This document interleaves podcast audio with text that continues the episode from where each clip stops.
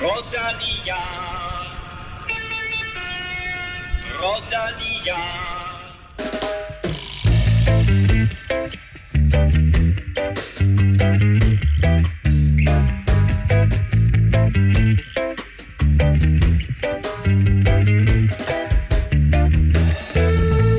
Den første uge af Tour de France er overstået, ni etaper er kørt, og rytterne har nået første hviledag. Vi kigger tilbage på de seneste fem etaper og frem mod næste uges strabasser. Og dermed velkommen til mine to faste klassementshåb. Evig klassementshåb, kan man jo kalde jer. Kim Plester og Stefan Djurhus. Æh, Danmark i semifinalen. Ja, det er vildt. Ja, ja. Nu kører det. Så det er fedt, øh, men det er også fedt at mærke, at vi ligger nummer et på iTunes på trods af alt det her fodbold her. Så stor tak til alle jer. Der, Du siger stadigvæk iTunes. Altså, Apple Podcast hedder det vel nu. så, øh, jeg så top 25 i sidste uge. Nummer 1 og nummer 25, det var vel Europa Podcast. Nummer 17, det var Rytterjargon, Mads Wirtz øh, podcast. Og resten, det var fodbold. så, øh, så sådan er det. Øh, men, øh, men fedt, at der trods alt, på trods af den her EM-feber og øh, rød-hvid jubel, er plads til, at øh, folk giver sig tid til at lytte til Velropa podcast. Og med god grund, fordi vi har gang i en vild tur, og den vildeste af dem alle sammen, det er Tadej Pogacar. Kim, det der solorit, han lavede på 8. etape, hvad siger vi til det? Jamen, uh, L'Equipe, de kaldte det i hvert fald for uden for, for kategori på deres forside her til morgen, og, uh, og det må man sige, det var. Uh, da, da man så, han, han lige pludselig kørte stor klinge på, på den hårde del af Columbia, der, ja, så, så vidste man godt, hvad klokken er slået, ikke? på den store Præcis. Øh, og han, han kører hurtigt, altså selvom det er regnvejr, så kører han hurtigere op, end, øh, end slægtbrødrene Contador gjorde i 2009, og jeg tror, han var omkring to og et halvt minut hurtigere, end Alaphilippe var for et par år siden, ikke? På, på Col de Romme. Så der var eddermame smæk på, og, øh, og han havde tænkt sig at lave knockout, og måske også lidt, øh, lidt revanche for, for, for dagen før. Imponerende kørsel i hvert fald. Øh, Stefan, nu er du jo øh, ikke så ung, øh, eller du er ung, hvad, vil sige. Du er jo ikke så gammel som os andre. Øh, har du nogensinde set noget lignende? Øhm, ja, ja, det synes jeg. Jeg synes, det var rimelig specielt, det må jeg indrømme. Men jeg, jeg vil næsten ikke, øh, hvis man skal lave sammenligninger, så bliver det sådan noget, øh, altså lidt, lidt forkert, synes jeg. Altså så er det Floyd Landis, øh, Lance Armstrong og sådan nogle. Så Ja. det, det vil jeg ikke rigtig sammenligne det med, med, med det. Men Nej. øh, Men altså, når, når, når L'Equipe de skriver uden for kategori, ligger der så mere i det, end bare, at du er imponerende? Der, er- ja, altså, der ligger jo den der, som man kan tolke det lidt, som man vil, synes jeg. Mm. At, øh, og det tror jeg, sådan, sådan tror jeg, mange har det. At, øh, eller der er altid nogen, der selvfølgelig enten er i den ene grøft, og bare sådan, det er bare helt fantastisk, eller i den anden grøft, at alle er bare dopet. Og så er der sådan den der, forhåbentlig lidt det brede midterfelt, som, som jo godt ved, hvad cykelsporten har været igennem, men også synes, det er ret fedt med, med de ryttertyper, vi har lige nu, så, så den er lidt til fri fortolkning i øjeblikket, ikke? og lad os se, hvordan løbet udvikler sig, og hvordan hans karriere udvikler sig, og, og, alt sådan Ja, noget. Så jeg det synes- er tidligt på sæsonen. Ja, man kan også godt sige, uh, Simon Yates i, i Giroen, uh, da han startede ud, uh, var fuld, uh, fuld knald der, og, mm. og kæmpe, der var ingen, der kunne røre ham, og så lige pludselig så knækkede han sammen, ikke? Ja. Og så, så, så kom han jo tilbage og blev et mål for ham, at, at nu skulle han ikke starte ud på den samme måde, og så skulle mm. han lære af det og blive bedre og sådan noget. Jeg vil ikke sige, at det er svært at sige med, med Pogacar, men altså, løbet er ikke overstået endnu, så uh, Nej, sidste år der startede han jo ikke sådan med lyn og torden. Der var det jo helt til sidst, han ligesom tog, så, så han har ikke prøvet det, det der med at skulle sidste, holde sidste, den. øh, sidste år kunne han jo også gemme sig. Altså, du ved, det hele Ja, ja, ja, var fokus på Roglic og Jumbo Visma, og nu havde vi endelig fået slået Sky ind i os af pinden. Øh, og så lå han jo der og hyggede sig, indtil han så slog til på 20. etape. Nu her ja. var vi jo i tvivl om, han havde holdet til det, og om han selv var der og så videre. Og han har bare modbevist alle tvivlere, øh, og bare bevist, at han ikke bare er den stærkeste rytter lige nu. Han kunne komme til at dominere det her løb i rigtig mange år fremover. Ja, det sagde vi så også, da Bernal vandt jo, ikke? Og, og det har man sagt nogle gange Så før. lad os få den match men- mellem de to. Ikke? ja, præcis. og Remco. Øh, og Altså, Remco, der er jo jo. mange og fede navne Jamen, Remco ikke? kan kun køre 10 etapper. Ja. men, øh, men nej, men jeg, jeg synes, der er et eller andet ved ham, at det var der også sidste år, det var der også den måde, han er kommet, kommet ind i sporten på. Man har godt vidst i et stykke tid, at her kommer altså en eller anden, der, der mener det seriøst, så, så det, det bliver lidt spændende. Han har jo alderen til at, at, at lave altså, den helt store, ikke? Mm. Altså at, at slå alle rekorder. Og, Præcis, og, og, det, og det er lidt vildt, fordi altså, nu snakker vi jo så meget om Cavendish og de 34 sejre, ikke? Altså Pogacar kan jo ende med at komme derop i nærheden af Max's rekord. Han kan også ende med at sætte rekord for, øh, for flest Tour de France. Samlede sejre. Ja, ja. Og han kan nøjes med at vinde, hvad? Fem etaper, og så lige pludselig ja, ja. gå ja, i frø. Jeg sige, det er også ret tidligt, vi kan begynde at snakke om, øh, fordi det var, som Kim også sagde, vi, det sagde vi også, da Banal han, han vandt den mm. første, ikke? Øhm, så vi skal lige, nu, nu er han også i gang med den svære toer, ikke? At, øh, ja. Altså, ah, nu, skal lige, nu skal han lige måle, ikke? Altså, der er... Øh... 10 minutter er den sværeste føring ja, det, det. Nå, prøv at høre. Uh, vi har rigtig meget, vi skal igennem i dag. Vi kommer selvfølgelig tilbage til, til Tadej Pogacar, men uh, vi skal også tale om to rytter, to store rytter, to af de aller uh, største favoritter faktisk, som, som har forladt løbet her til morgen. Uh, det taler vi mere om lige om lidt. Uh, vi skal også omkring kvindernes Giro detaljer. Naturligvis skal vi tale om en vis her Jonas Vingegaard, og så skal vi også have kåret månedens dansker. Ja. Hvis du vil være sikker på at aldrig kunne glippe af et afsnit, så husk at abonnere på Europa Podcast. Det gør du enten på Apple Podcast, SoundCloud, Spotify, eller hvad der nu er din foretrukne platform, og det vil altså være en god idé, for vi udkommer sådan med en 3-4 dages mellemrum her gennem hele Tour de France. På den måde der får du nemlig en øh, notifikation hver gang vi udgiver en ny episode. Tak til alle jer, der støtter på tier.dk. Vi trækker lod om den næste store Velocio præmiepakke senere i udsendelsen. Mit navn er Claus Elming. Du lytter til Velropa Podcast, præsenteret i samarbejde med Hello Fresh og Otse fra Danske Spil. Velropa Podcast præsenteres i samarbejde med Otse fra Danske Licensspil. Husk, at man skal være minimum 18 år og spille med omtanke. Har du brug for hjælp til spilafhængighed, så kontakt Spillemyndighedens hjælpelinje Stop Spillet eller udluk dig via Rufus. 9. etape er netop slut, men inden rytterne overhovedet kom afsted i dag, så meldte både Primoz Roglic og Mathieu van der Poel, at de ikke stillede til start, trak sig ud og rejste hjem. Ja, Roglic synes jeg var, var i hvert fald ventet øh, med, med de der lusinger, han har fået her på det sidste. Øh, det gav ikke så meget mening, øh, og specielt hvis han gerne vil køre noget Vuelta. Van der Poel var måske lidt mere overraskende, ikke at han forlod løbet, men at han gjorde det så relativt tidligt. Men øh, det skal jo nok sættes i lyset af, at han, han havde den første uge, han havde med den gule føretrøje, så han føler ligesom, nu har jeg sat det afsæt, jeg skal på turen, og så, så giver det ikke så meget mening. Havde han nu ikke haft en så succesfuld første uge, han måske lige ventet til, Måske men hvor, men hvor er vi henne på det? Det er fint nok, han kommer ind og kører sit første tur og får en gul trøje, men skal han så bare trække sig, når han mister den gule trøje? Han kan godt se, ja. de næste 14 dage, det bliver nogle barske nogen. Nej, jeg synes, det er, jo, det er jo OL, der ligger ude i horisonten for ham, og jeg tror hele tiden, det har været mening, at han ikke skulle, det mener også, han har meldt ud selv, at han, han kommer ikke til at køre turen færdig. Så det har hele tiden været det her med, at han, han øh, er med i starten, og, han, og der var så heldigvis for ham nogle etapper, der lå der lå godt til ham, og, og han har beriget løbet, øh, må man i den grad sige, og, og, og kæmpet for sin, for sin gule trøje, og, og ja, så skal han jo vælge et eller andet tidspunkt, ikke? og øh, så kan man sige, giver det mening at køre den her regnvåde etape i dag, hvis man skal, hvis man skal være med til OL om ikke så længe? Der er også noget med coronarestriktioner, og også noget, hvis han skal rejse rundt og, ja. og lige køre øh, noget mountainbike inden, ikke? og sådan, så, øh, så jeg tror også, sådan, jeg synes også, det var en lige en tak for tidligt faktisk, mm. at sådan, den er dårligt blevet revet af ham, en gul trøje, så han er væk. Men, øh, men jeg tror også en planlægning, og, og stadig er det lidt et, et komprimeret program med OL øh, lige den anden ende. Og så når man også gerne vil køre øh, mountainbike lige pludselig, så... Øh, ja. Han skal, han skal lidt af det hele. Han har været en oplevelse, ingen tvivl om det. Imponerende debut i, i Tour de France, og havde den gule fører, tror jeg, var det i, i seks dage, tror jeg. Mm.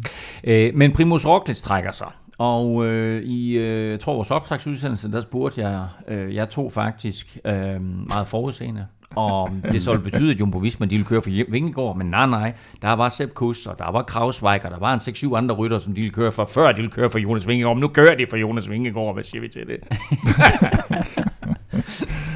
ja, det, jeg, jeg, jeg havde måske troet lidt, at øh, Van Aert, fordi han lå så langt frem i klassementet, og, og han kørte, som han gjorde sidste år, at at de vil forsøge at holde ham inden længere tid. Det kan også godt være, at de faktisk har forsøgt det, men at han bare ikke kunne. Øh, så havde jeg troet, at han var lidt mere holdbar, kan man måske omformulere til. Så, øh, så jeg havde troet, der lige var, øh, var ham i hvert fald. De andre var jeg godt klar over, de var jo, jeg ved ikke hvor langt bagefter, så det gav jo ikke nogen mening at køre for dem, kan man sige. Øh, men positivt. Se med danske briller. Ja, jeg vil sige, efter enkeltstarten, der, øh, der kom jeg virkelig på, på Jonas Vingegaard-vognen. Det, det var meget overraskende for mig, at han kunne køre så hurtigt, øh, og med en en Roglic, der, der havde det rigtig skidt, så tænker jeg, nu er han da som minimum øh, delt kaptajn. Og så, øh, så viste det sig bare, at øh, det gik den forkerte vej for, for Roglic, så han ikke øh, rigtig kunne komme sig i, i tide. Så, så hvad kan man sige, en, en turbulent start, men øh, Jonas Vingård, han, øh, han sidder på toppen lige nu. Vi er ni dage ind i turen. Der venter en uh, hviledag for alle rytterne nu. Uh, Jonas køres op på fjerdepladsen i dag. Uh, er podieplacering for ham, er det realistisk? Ja. Ja. Det er det. Han kan også blive 8, men, men øh, med den enkeltstart, han har, og der kommer en enkeltstart mere på stort set samme distance, mener så, så er det muligt.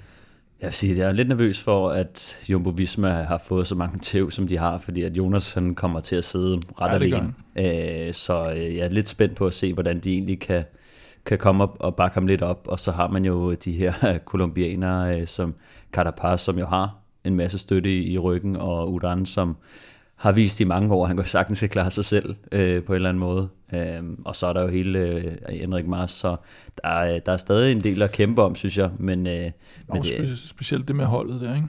Jo. At øh, nu når Roglic er udgået, hvor meget, altså det er jo det, de har lagt, stort set alle andre rytter har lagt hele deres Tour de France op på. Racing er udgået også. Hvor van Aert virker ikke super motiveret mere heller. Sepp Kuss går i udbrud i dag. Hvad går det ud på? Ja, men det er jo også fordi, nu fø, han føler jo ikke, han føler jo naturligt nok ikke den samme, øh, hvad skal man sige, øh, forpligtelse over for Vingegaard, som hvis det havde været Roglic. Hvis Roglic havde siddet der, havde han jo aldrig gået i det udbrud. Øh, så, så han ser det også som mulighed for, at nu kan han få noget ud af den her tur, selvom han tabte alle de her minutter i starten. Så, Eller måske netop derfor. Nå, ja, ja, men altså, det, det bliver bare sådan lidt mere... Holdet siger jo også, ja, det er klart, øh, nu skal vi, altså, det giver sig selv, at vi skal køre for Vingegaard nu, men han er også ung, og han er med for at lære, og vi må se, og det siger han selv, og se hvor godt det går, og vi tager en dag ad gangen, og alt det her. Så de vil heller ikke sådan lægge for meget pres på, og, og, og, og selvfølgelig skal han lidt køre sig til den her plads i hierarkiet. Jeg kan godt forestille mig sådan en, en rytter som Wout van Aert, han måske, han måske også kunne finde på at tage hjem lige pludselig. Altså han har også kørt en, en lang sæson, og, og har, har lidt fået det ud af det, eller, eller i hvert fald kæmpet lidt der i starten for at, at få noget ud af det. Ikke? Og, og nu Hvorfor? Jeg forsøgte faktisk, jeg forsøgte faktisk at, at få en kommentar fra Jonas Vingegaard øh, til øh, podcasten her til aften. Øh, talt med hans pressechef, som hedder Trine Marie, og også hans kæreste, og mor til hans barn, øh, og datter jo der Rosa. Øh, hun sagde, at det her det har simpelthen været så overvældende for Jonas. Altså mm. der er hele det pres, der lige pludselig er kommet, alle de interviews, der skal til, mm. og så videre, det har simpelthen været næsten for meget for ham. Øh, så han kommer ikke til at lave noget som helst ekstraordinært pressearbejde, før turen er slut. Mm. Øh, og det viser jo også bare på en eller anden måde, at, at nu er der pludselig kommet fokus på den her unge dansker, noget som vi jo overhovedet ikke havde forestillet os, lad os bare sige marts, ikke? Altså der begynder vi at se, at han leverer store resultater, øh. og lige pludselig så bliver han udtaget, og der taler vi om, at han kører godt opad, og han hjælper og så videre. Ikke? Men der er bare, altså det er en fuldstændig vanvittig udvikling, der er sket jo, her de det, sidste tre måneder. Og det er jo også tydeligt, at han, han, han befinder sig jo ikke godt i de situationer, han bliver spurgt. Man kan jo se, når, når Søren Rets for TV2 for eksempel bare stiller, altså stiller ham helt almindelige spørgsmål, så kan man se, at han er så bange for at komme til at lægge pres på sig selv, eller han skal sådan, det er som om, at han i, i interviewene skal overbevise sig selv om, at der er, ikke, altså, der er ikke sket noget her. Det er bare helt det samme. Jeg skal bare køre, køre mit bedste og sådan noget. Jeg har ikke nogen ambitioner, jeg har ikke noget, altså, han, det er som om, han hvor meget, sådan, af, hvor meget af det er bekymring for at komme til at lægge pres på sig selv? Hvor meget af det er ty?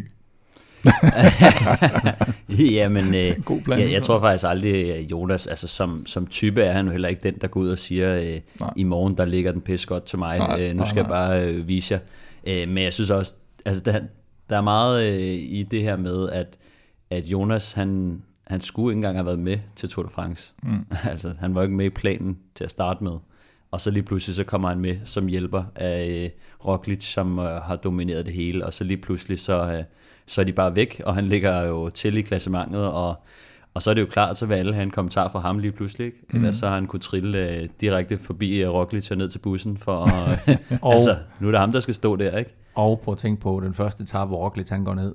Ikke? Ja, der er Jonas nede og giver Roglic sin cykel. Der taber Jonas over halvandet minut til de andre. Mm. Ikke? Altså, ellers så havde han ligget Men det er lidt, nu. Øh, nu snakker vi fodbold i starten, ikke? det er jo lidt ligesom EM i 92.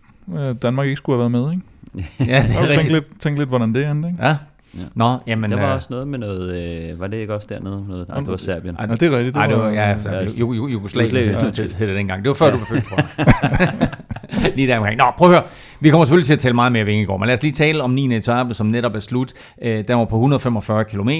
Øh, det er med mål i Tinje. Øh, det her sted, den her etape mere eller mindre, som blev aflyst for, for to år siden på grund af jordskredet. Det her, det gik nærmest opad, fra det øjeblik rytterne de trådte ud af hoteldøren og så var det ikke kun bjerge, øh, de skulle kæmpe med. Det var også noget fuldstændig forfærdeligt vejr, nedbør og kolde temperaturer. Ja, og så blev det jo, det blev jo netop, det gik faktisk ikke op i starten, men det, det kom det til at gøre nærmest, fordi uh, Israel, de, uh, de tænkte, vi vil godt netop have den hen til stigningen, før vi begynder at køre. Så de satte jo bare tempo, så ikke rigtig nogen kunne, kunne komme alvorligt afsted, fordi de ville have Dan Martin og Michael Woods afsted. Så de ville gerne ligesom have neutraliseret det første stykke på, jeg tror det var små 20 km, mm. Og så ville de gerne op af der. Og så ville uh, Bike Exchange lige pludselig godt lige have det neutraliseret hen til en bonusspurt, så, så det kom til at blive sådan noget højtempo kørsel i starten, og det er jo ikke skide godt for, for alle de her sprintertyper og sådan noget, der ligger nede bagved. Og, øh, bortset fra Colbrelli. Bortset fra Colbrelli, ja, som, øh, som nu er bjergrytter. Øh, nej, og så, og så som du siger, så, så vejret, det gjorde jo bare, at det blev sådan en etape, hvor lige pludselig så var nogen, der slukkede. Og, øh, og så var det dem, der havde spist godt og, og gemt lidt på kræfterne og tørt tøj, eller hvad hedder det, godt, godt med tøj på. Mm. De havde nok en, en fordel. Ja. Vi så masser af tøjskift, vi så også masser af rytter, som øh, rystede hænderne for at få lidt blod øh, ud i fingrene. Vi så også rytter med store handsker på, som ikke engang var nok til at beskytte dem imod den her kulde her. Det her, det var simpelthen et spørgsmål om, hvem havde kræfterne, overskud, havde spist nok, havde beskyttet sig selv nok mod det her forfærdelige vejr til at komme igennem. Og øh, vi må bare rose australske Ben O'Connor for en helt igennem forrygende etape. Han kommer først over stregen alene i mål.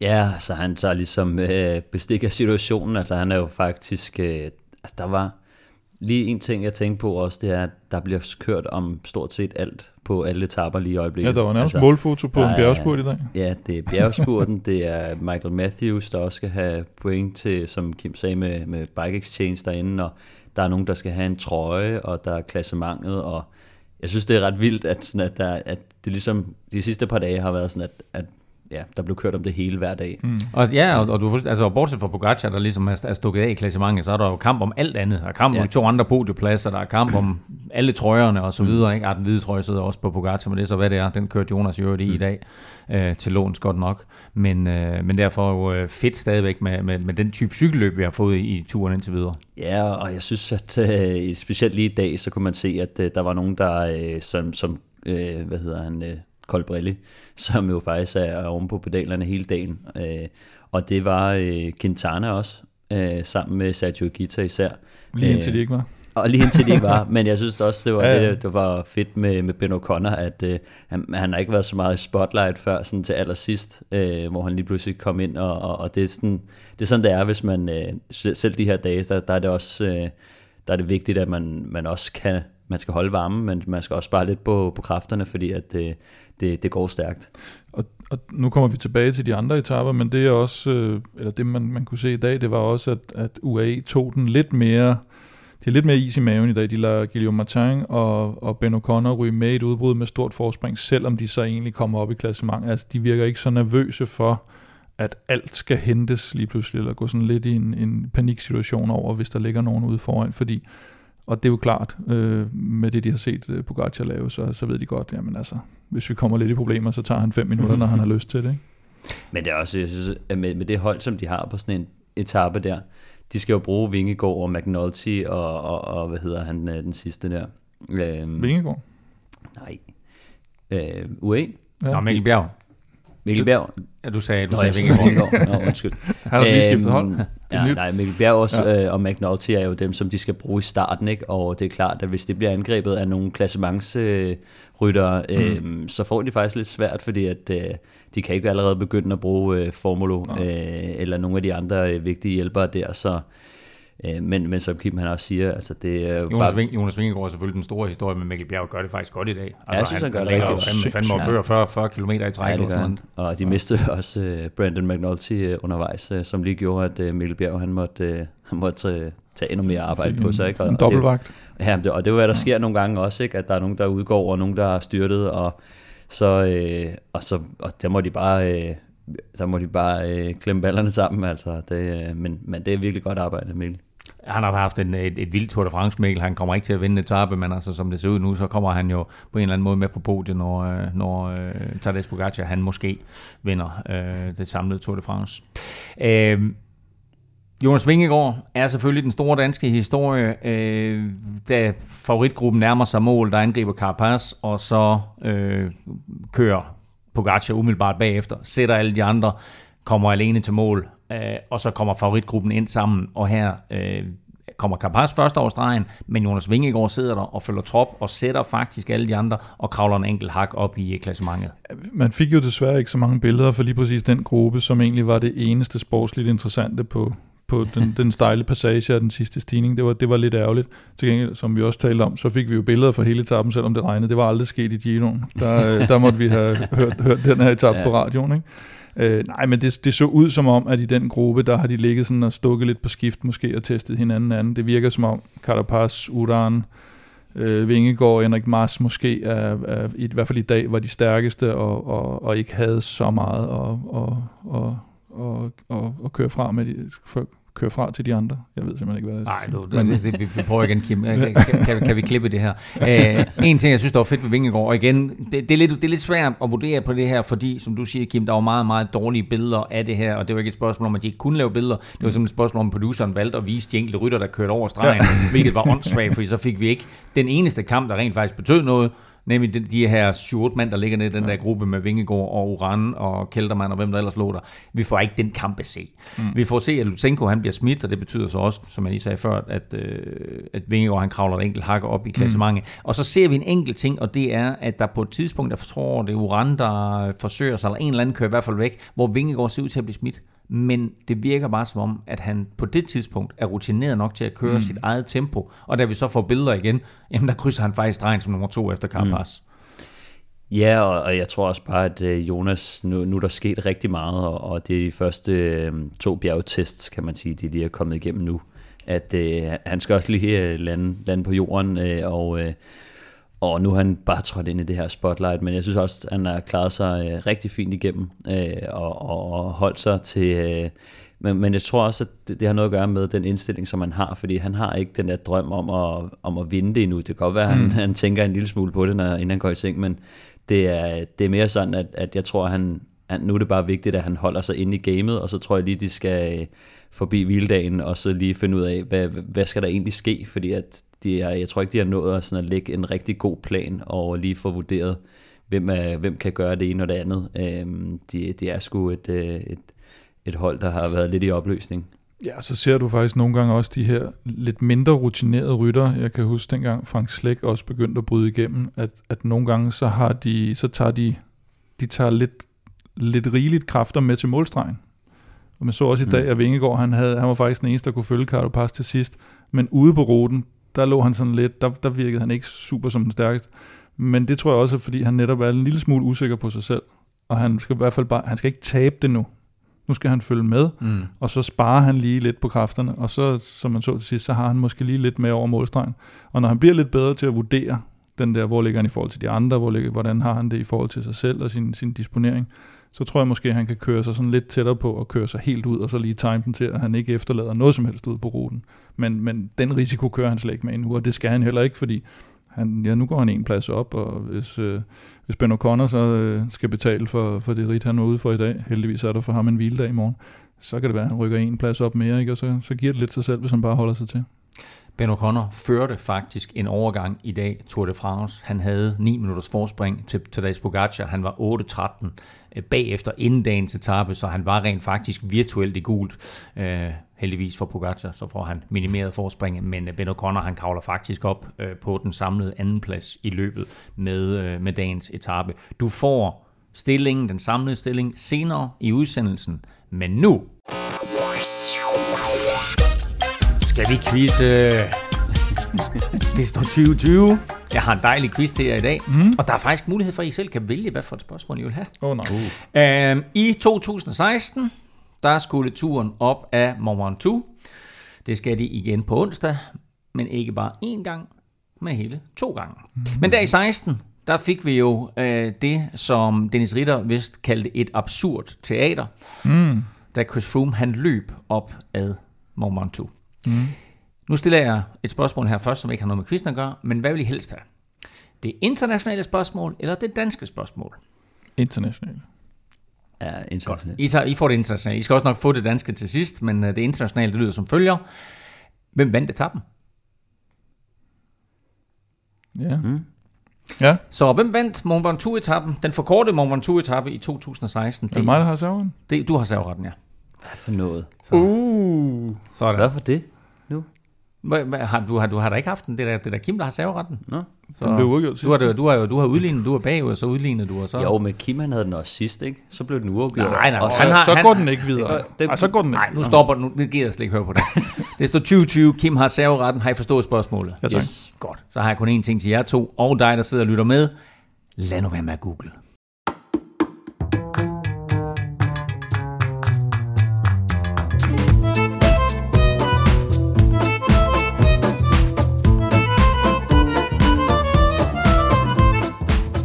Og så var vi lidt tilbage i tiden, fordi sidst vi var her, var fjerde etape lige kørt, og dagen efter, ja, der havde vi jo set frem til den her første enkeltstart, øh, to eller 27 km, som var sådan, øh, vi kaldte det pandekagefladen, den var nok lidt mere kuperet end som så. Pandekage Var- kopieret. Hvad siger du? Pandekage kopieret. pandekage-kopieret, lad os bare kalde den det, og sådan forholdsvis teknisk. Øh, den gik fra Chancé til Laval, og vi må sige, der var altså mange, eller masser af Chancé i øh, klassementet, hvor flere store favoritter tabte tid. Men tre ting, synes jeg, sprang i øjnene. Pogacar var suveræn. Danskerne kører stærkt, alle sammen. Og øh, Mathieu van der Poel overraskede igen øh, og forsvarede faktisk sin gule førertrøje. Så lad os bare begynde med ham øh, og bare konstatere, at den der gule trøje, den giver vinger. Jeg, jeg, jeg tror, det var, var det ved anden mellemtid eller sådan noget, hvor man så sådan et, et relativt nærbillede af ham, hvor han også, altså han så ud som om, at hans hoved var ved sådan at eksplodere inde i hjelmen, altså sådan helt rød, rødmosset, og øh, øh, jamen, han var helt udmattet, og han kørte sig jo fuldstændig i, i hegnet. Og, og det, altså, han sagde jo også inden, at han har ikke kørt så mange enkeltstarter, så jeg tror specielt den der disponering af kræfterne, tror jeg har været svært for ham, fordi når han kører cross, der, så, så er det jo bare øh, sprint frem til første sving og sådan noget, og så, og så øger vi farten derfra. Så han har, han har siddet og kæmpet med det, og, og han var, han var so, solidt slidt, da han kom i mål. Men hvor han bliver nummer 4 på etappen. Ja, ja. Altså, han kører, som han Ah, også selv femmer, sagde, jeg, han, faktisk. han sagde faktisk efterfølgende, at, øh, at det var hans bedste dag nogensinde på cyklen. Så det siger lidt om, øh, om, om den energiudladning, han har haft, og, og hvor meget det betød for ham at forsvare den, øh, den gule førertrøje. Øhm, og man kan sige, som jeg sagde før, hvis ikke den gule trøje giver vinger, Stefan, så gør en masse nyt udstyr i hvert fald, ja. Ja. fordi øh, Alpecin Phoenix, de skaffede hjul og alt muligt andet øh, nyt materiale til Mathieu van der Poel. Jamen, det gjorde de. Jeg hørte nemlig om øh, den her, der, der kom en lidt sjov historie inden, at øh, de var på jagt efter et par øh, Princeton øh, hjul, som jo er nogle af de hurtigste hjul, man, øh, man kan lige nu. Vi ved, at øh, både øh, Ineos og Jumbo bruger dem også, og øh, de ville rigtig gerne have sådan et par hjul til, øh, til Mathieu van der Poel, fordi at nu, nu kan man se på dem, at de har jo deres øh, sponsorer, deres udstyr, som, som er det er fint udstyr, men når det kommer til at være så vigtigt, så, øh, så ville de gerne øh, gøre alt, hvad de kunne for at forsvare den føretrøje, og de har jo så fået lov af, ja, af Shimano og af Canyon og af alt, alt, hvad de havde til at, at, at gå ud og opgradere. og det sjove var, at deres holdleder havde mødt øh, på, øh, han havde været ude at træne, havde mødt øh, chefen for det her Princeton, og øh, da, da han spørger så, kan, kan vi få sådan et par hjul? Og så, øh, så sætter de jo i gang, at de, de har dem ikke på lager, så de skal ud og skaffe dem, og så øh, finder, de, øh, finder de ud af, at Cameron Worth, som er kører på Ineos, og er den her lidt, lidt sjov historie, han har kørt lidt tidligere, så har han været triatlet, og nu er han kørt på Ineos, fordi at de manglede en, øh, en, en stærk hjælper. Øh, og han bor i Andorra, og han har et par julesæt, som de godt øh, må købe, og øh, det, det er så Princeton, der, der finder ud af, at de, han har en kontakt, en hotelejer nede i området, som så, som så går ned og køber hjulene af Cameron Worth og kører dem 900 km op til Mathieu van der Poel og til Tour de France. Ja, for øh, ham hotellejeren er mega cykelfan og mega Mathieu van der Poel-fan. Ja. Så de har faktisk de har fundet de her hjul, men de har ikke nogen måde at få dem fra Andorra og til startbyen. Og der kommer ham hotellejeren så på banen. Han kører dem øh, hele vejen. så øh, han kommer ind og redder, men, men altså, og det er jo så hjulene. Øh, de får også skiftet øh, hele, hele pakken rundt om. Altså, det er nyt cockpit og hvad hedder det, nye scoretræk og det hele, og de har været ude og shoppe hos, øh, hos Aerocoach, som er ret kendt nu som, øh, som nogle af dem, der leverer ja, noget af det hurtigste materiale, man kan få. Så, øh, så de har altså været ude og, og skaffe, øh, hvad hedder det, og det synes jeg er ret vildt, at en ting er, at man tager en ny hjelm på, det er ikke så slemt, men at man går ud og skifter cockpit, og det gør også, at ens position skal... Og, og cockpit, hvad er det? det er styr og, og de her øh, bars, øh, man kører med. Øhm, altså det er jo sådan alt op ved, ved armene, kan man sige. Ikke? Øhm, men det betyder også, at at han kommer til at skifte position på dagen, hvilket jo er sådan et totalt no-go egentlig, at man vil gerne træne i den position for at være sikker på, at man kan præstere ordentligt. Øh, men må jeg sige, når de får så meget, øh, så meget nyt materiale, og det er så meget hurtigere, øh, så, øh, så, så kan det måske godt svare sig. Jeg tror, øh, hele den pakke der, den, øh, den også se, at jeg skaffede ham altså et minut til halvanden minut. Øh, og vi ved, at Mathieu van der Poel, han har faktisk kræfterne til at køre en god enkeltstart, og han har kørt nogle gode enkeltstarter tidligere, men vi ved også, at, at det er ikke hans disciplin det her. Så, øh, så jeg synes, det er, det er helt vildt, at, øh, at han får skiftet, øh, skiftet det hele. Og, øh, og det en anden ting, jeg også tænkte på, fordi jeg troede faktisk ikke, at øh, Le Coq Sportif øh, skinsuitet var, var så hurtigt, men det var fordi, at jeg kan huske tilbage i 2012, der var, øh, der var det Wiggins, øh, der øh, de havde jo så forudset, at hvis han skulle køre enkeltstart i øh, Le Coq Sportif-dragten, øh, så ville han tabe meget tid. Så de havde på forhånd været ude og snakke med Le Coq Sportif, som, øh, og, og havde designet et ny skinsuit til Wiggins, hvis han skulle øh, køre i en gul trøje. Så de var sikre på, at han kunne køre i en, i en ordentlig skinsuit. Men efterfølgende, så har Le Coq Sportif jo faktisk øh, taget det til sig og designet en rigtig hurtig dragt, som, øh, som også er hurtigere end mange af de andre dragter. Øh, og det betyder også, at han, han har en god dragt, han har en hurtig cykel og alt det materiel øh, rundt om. Øh, så han havde en, måske det hurtigste setup øh, på dagen, øh, vil jeg Jeg tror, det, det, en, det eneste på Mathieu van der Poel, som var, som det plejer at være, det var rammen og hans ben. Ja. Alt andet var skiftet. ja, og øh, man, kan se, hvor, man kan se, hvor meget det betød for ham øh, og for dem, at øh, de havde simpelthen fået lov. Jo, og så, og så kan du sige, at det der med positionen, det betyder ikke så meget, fordi når han ikke træner på sin enkeltstartcykel, så har han jo nærmest ikke ja. nogen position, ja.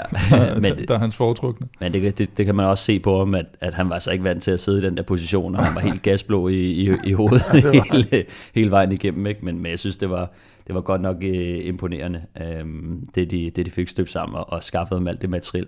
Øh, de ville jo faktisk i starten have været ude og låne øh, Ineos øh, jul, men øh, det, øh, det havde de vist ikke helt fået lov til. Nej, og som jeg hørte det, så fortalte de heller ikke ham der Wurf, hvem der skulle have de jul. Nej. de, de, de, de, sagde bare til ham, hey, vil gerne købe din jul, kan vi det? Ja, ja, okay, du ved. Og så bliver de så ja. kørt hele vejen over, og så får man jo fat at bruge dem og forsvare den gule før, ja. tror jeg. Prøv at høre, vild fed historie, ikke? Altså sådan en lille ekstra sidehistorie til Tour de France. Uh, og, og flot selvfølgelig, at uh, Van der Poel, han forsvarer sin gule fører, tror jeg, vi var ret overbevist om, at Wout van Aert eller, eller Philippe, de ville være i den gule der, uh, umiddelbart efter uh, enkeltstarten. Sådan blev det altså ikke. Og så fik vi for første gang sådan rigtigt oversat Tadej Pogacar at se, fordi han knuste simpelthen alle de andre klassementsfavoritter. Stefan Køng, han sad der i hot seat, efter Mikkel Bjerg øvrigt havde siddet der i lang tid. Så sad Stefan Køng der i hot seat og glædede sig til, at han skulle have sin første Tour de France sejr. Og så kom det her slovenske vidunder og øh, smaskede hans tid. Og så kunne en meget ste- skuffet Stefan Køng forlade hot seat.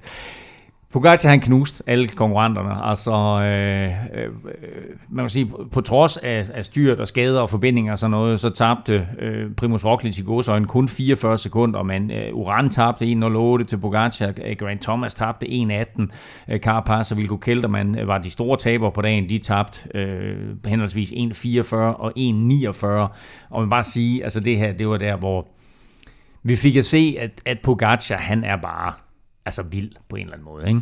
Jo, han er helt vild, og jeg synes også, at, at, at han imponerer mig øh, på den måde, at øh, de havde været, han havde været nede og køre recon på, øh, på netop den her. Det var egentlig ikke planen, at de skulle gøre det, men øh, hans øh, sportsdirektør Alan Piper havde været nede og køre, øh, han været nede og se på ruten her i, i maj måned, og havde så sagt til Pogacar, at jeg, jeg tror, det er vigtigt, at du går ned og, og prøver den her, inden øh, Tour de France starter.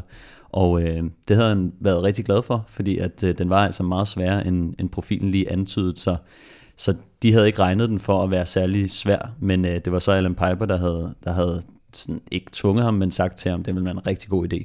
Og det har han været glad for, fordi at den var meget hårdere og mere teknisk, end de egentlig troede. Øh, der var hele tiden et eller andet, der skete på den her rute, om det var et, et sving, en bakke, en øh, rundkørsel, et eller andet. Og øh, det, det har også haft en, en stor faktor i forhold til, at øh, Bugatti har kørt så godt, fordi man ved bare, hvis man, hvis man kender ruten, så, øh, og man skal lægge sin, sit pace på en eller anden måde, så, så det, det er godt, at man kender ruten, at man ved, at, at øh, lige de her områder her, der, øh, der skal jeg måske coast lidt, fordi at det er måske dumt at sprinte lige ud af et sving, hvis der kommer et sving sådan 200 meter øh, efter eller et eller andet. Ikke? Så man, begy- man får en bedre idé om, hvordan skal jeg egentlig lægge min kræfter, hvor er de vigtige sektioner, og, øh, og det, det betyder bare, øh, det betyder bare en, en, en hel del. Øhm, og øh, samtidig så er det jo også noget med, hvis man er bekendt med ruten, så kan man tok øh, i længere tid, end øh, hvis man ikke kender ruten, fordi at det er nogle gange det er nemmere sagt end gjort, det der med, at det er rigtig vigtigt, at man får øh, tokket sit hoved godt ned og, og kan sidde i positionen, den aerodynamiske position, så længe som overhovedet muligt.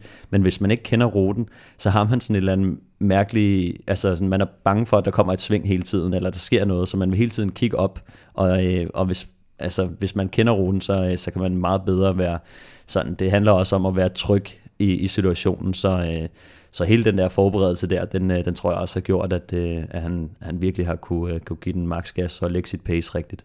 Og vi var bare rose UAE endnu en gang for god forberedelse. Det var jo med stor sandsynlighed ja. også derfor, de vandt turen sidste år, ikke? At de og bare var, var bedre forberedt end modstanderne. Det var netop også det, som, som jeg tænkte på sidste år, kan vi huske, at øh, der var det der med cykelskift. Skulle man gøre det, skulle man ikke gøre det? Og øh, der var Pogacar stort set den eneste, der, der for, før det startede sagde, vi har været nede og, og, og kigge på den, og øh, han kommer til at skifte cykel, og det var planlagt, øh, og de havde jo, altså, øh, det betyder bare, at de, de, de vakler ikke i, i den måde, de, de går til forberedelserne på, og, og igen i år synes jeg, at øh, de viser, at øh, de, de tager det virkelig seriøst, det her. Det er også en god idé. Men, ja. og, og, og, det, og det giver bonus, kan man sige. Mm. Øh, den helt store historie, set med danske øjne, det var selvfølgelig, at vi havde fem rytter i top 20, faktisk fem rytter i top 17. Og at Jonas Vingegaard øh, jo fyrer en vanvittig flot tredjeplads af på etappen, kun slået af førnævnte Pogacar og Stefan Køn. Ja, han havde jo, hvad kan man sige, Dauphiné, bliver han nummer syv på enkeltstarten, så der havde han givet nogle forhåbninger, og, og man kan godt se, okay, kan han køre lidt enkeltstart, men den var trods alt Øh, den var kortere, den var noget mere kuperet, den, den lå i, i... Altså den i Dauphiné? Den i Dauphiné, ja. Og øh, den, den lå sådan op i øh, måske mere sådan 500-600 meter over havet, og øh, den her, den lå nede i omkring 100, eller mellem 50 og 100, ikke? Så, så det, har, det var et lidt mere kuperet terræn. Den havde fem stigninger mod de her mod to stigninger. Så, så forventningerne til Vingegaard var jo ikke, at han kunne gøre det bedre end i Dauphiné, måske nærmere tværtimod. Og der bliver han syver i et dårligere selskab, kan man sige. Ikke? Og her så bliver han så træer i et hårdere selskab på en rute, der på papiret passer ham dårligere. Det indikerer selvfølgelig sindssygt god form. Og øh, vandt jo dermed også det uofficielle DM. Ja, det må man så, sige. øh, kørte altså hurtigere end både Kasper Eskren og Søren Krav og, og alle de andre. Øh, Jonas Vingegaard, han blev nummer 3, han var 27 sekunder efter Pogacar. Askren nummer 6, 37 sekunder efter. Mikkel Bjerg nummer 11, 101. Magnus Kort fantastisk enkeltstart af Magnus mhm. Kort. Mm. Ja, han kørte i øh, regnvejr. Ja, altså helt vildt. Ikke 1.07 efter Magnus Kort har bare vist fantastisk form. Uh, nummer 13, uh, øh, jeg ved ikke, hvorfor jeg skrev nummer 13, der står Rigoberto Oran. Han er ikke blevet, dan- han er ikke blevet dansk endnu. ikke endnu. og så nummer 17, Søren Krav Andersen, 1.19 efter. Uh, meget, meget imponerende uh, at, uh, dansk enkeltstart her. Nå, vi skal, dag, vi skal til dagen efter, vi skal til 6. etape, som kun var på 144 km og sluttede i uh, Châteauroux. Og det blev på alle måder en historisk dag. Mark Cavendish vandt sin første turetappe her i 2008. Han vandt igen i 2011, og torsdag, ja, der var han så på ny hurtigst første mand over stregen og vandt sin turetappe nummer 32, nu kun to fra at tangere Eddie Merckx' rekord. Ja, men altså, det var bare en, øh, jeg vil sige, et eventyr, synes jeg. Altså hele den historie med, at øh, det var der, han vandt sin første etappesejr i Tour de France. Øh, han vandt der sidst, de var der. Øh, det er en boulevardsprint, som, altså, som bare nogle gange ligger til nogle af de lidt større sprinter, øh, men, men altså Cavendish, han, han, han er vel bekendt med, med, med den her etape, og, og de får ham kørt sådan rimelig godt øh, frem, synes jeg egentlig også, øh, men, men der til allersidst, der skifter han jo faktisk øh, væk fra, fra Mørkøs hjul. Øh, der hopper han lige af, fordi han ser, øh, han ser, at der er mere ryg over i Alpecin Phoenix-toget, øh, der lige er til højre for ham. Øh, men det er jo bare det, han kan. Altså, Cavendish, han er jo så erfaren og, og virkelig god til at og, og, og surfe lidt rundt i, i feltet i finalerne og, og vælge de rigtige momenter, så det, det var bare øh, erfarenhed og, og den styrke, han har lige nu. Altså, han er bare en af de hurtigste. Øhm, så. Ja, for det er, jo lidt, det er jo lidt det, jeg synes, der er det mest imponerende, det er, at når man kommer op i alderen, så er det naturligt, at der ryger nogle af kræfterne, og selvfølgelig noget af topfarten, men det er ligesom om, han har sin gamle topfart igen. Ja, jeg tror også, han er virkelig gået øh, hårdt ind altså på, på den her sæson, kan man se. Han er virkelig øh, velforberedt, og øh, han er efterhånden kommet så fint over øh, alt det her sygdomsforløb, der har trukket ham ned. af den her øh, mærkelige, øh, det er vel kyssesyge øh, Epstein-Barr-virus, han har haft tiden i kroppen, som har været sådan en, en meget ukendt faktor for ham, at, at det har været svært for ham at træne, fordi at han vidste aldrig, om, om han ville være fuldstændig smadret dagen efter, fordi den der virus, den, den har siddet lidt i kroppen. Øh, så, øh, så det er bare fedt at se, at, at, at timingen passer bare perfekt. Ikke? Altså for, for ni måneder siden, der, der stod han øh, i beregn øh, Rita-tøjet, og, øh, og kniv en tårer i, øh, var det i Skæld, Skældepræs, ja. Uh, ja, ja, i hvert fald i belgisk uh, Jamen, det var, det var skældepræs, ja. fordi jeg var det, der sagde det forleden dag også, at det var, det var sådan lidt pinligt. Det var Mads Wirtz, der i studiet ja. på TV2 mm. sagde, at det var sådan lidt pinligt løb, hvis det skulle være det sidste løb, man kørte, ikke? Det havde været en rigtig ærgerlig afslutning, ja. men jeg synes nu, uh, altså har det bare, altså nu uh, flyver han jo på en, på en lyserød sky, og, og ser ud til at være uh, den hurtigste mand, uh, der er jo, den mand, der skal slås. Og, og på den etape netop, som vi også siger, at et, øh, nu kan man ikke kalde det terræn, men i hvert fald et opløb, hvor, hvor han egentlig ikke er på hjemmebane. Altså hvor man måtte forvente, at det var måske en af de, de to øh, Alpecin Phoenix-rytter, eller Demare, eller Mads P, eller sådan nogen, mm. som øh, med deres øh, store, tunge tråd ligesom øh, kørte den hjem, den der, ikke? Øh, og så Alpecin, de, de laver måske også en fejl i, at øh, de sputter måske i virkeligheden for den forkerte mand, og, og nærmest ved at køre ind i hinanden over i, over i, i Cavendish i, i spurten. Ellers, jeg tror selv, at Pol var ude bagefter at sige, at øh, vi, skulle nok egentlig, vi skulle nok egentlig have kørt spurten for Malier og ikke øh, Philipsen. Nu er vi i den situation, at øh, han har vundet to. Han er på 32. øh, vi nærmer os det der moment, hvor den uslåelige Eddie Max rekord på 34, den kommer øh, ikke bare i fare, den kommer rent faktisk i spil. Der er fem flade etaper tilbage. Kan Cavendish tangere, skråstrej, slå Eddie Max's rekord allerede i år? Ja, det tror jeg faktisk godt, han kan. Øh, det tror jeg. Fordi at hvis man ser de, der har jo kun været tre masse spurter, ikke? Øh, det er Cavendish, der har vundet to, og, og Malier, der har vundet den anden. Øh, og, sidst, så, og sidst der har forladt turen i dag.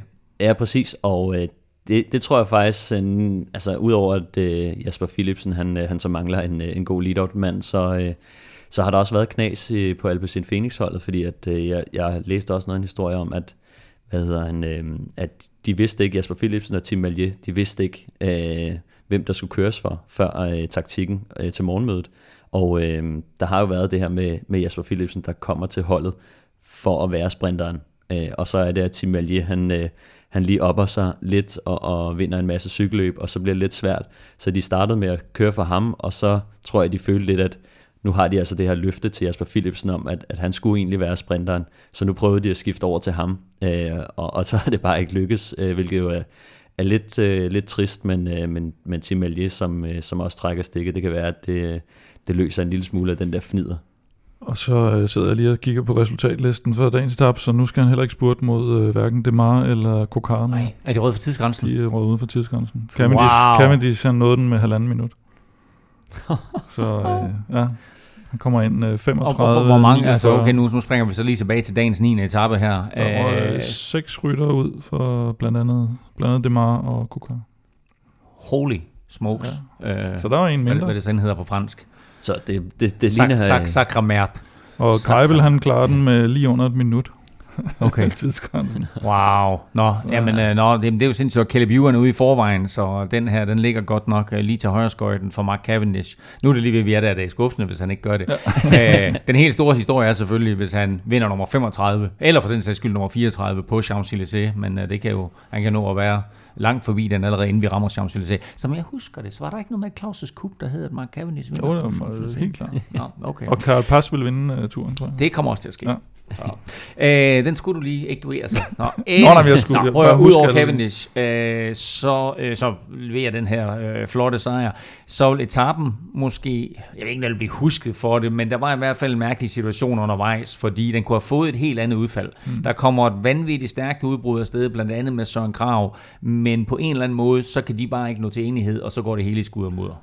Jamen, det er sådan et, et helt vanvittigt udbrud. Altså, det, det starter med, at at der egentlig er sådan lidt, lidt få rytter, der kører i højre og venstre. Og så er det som om, at ved et tilfælde, så sidder der lige pludselig nogen, hvor man tænker, at det kunne egentlig lige så godt have været finalen i Flandern rundt det her. Mm. At så sidder der, hvad hedder det, typer som Askren, Søren Krav, Van Avermaet, Thomas de Gent, Pollitt, Tom Skuins, som også er en rigtig, rigtig stabil rytter, og så ham her, Jonas Rikard fra, fra Alpecin Phoenix.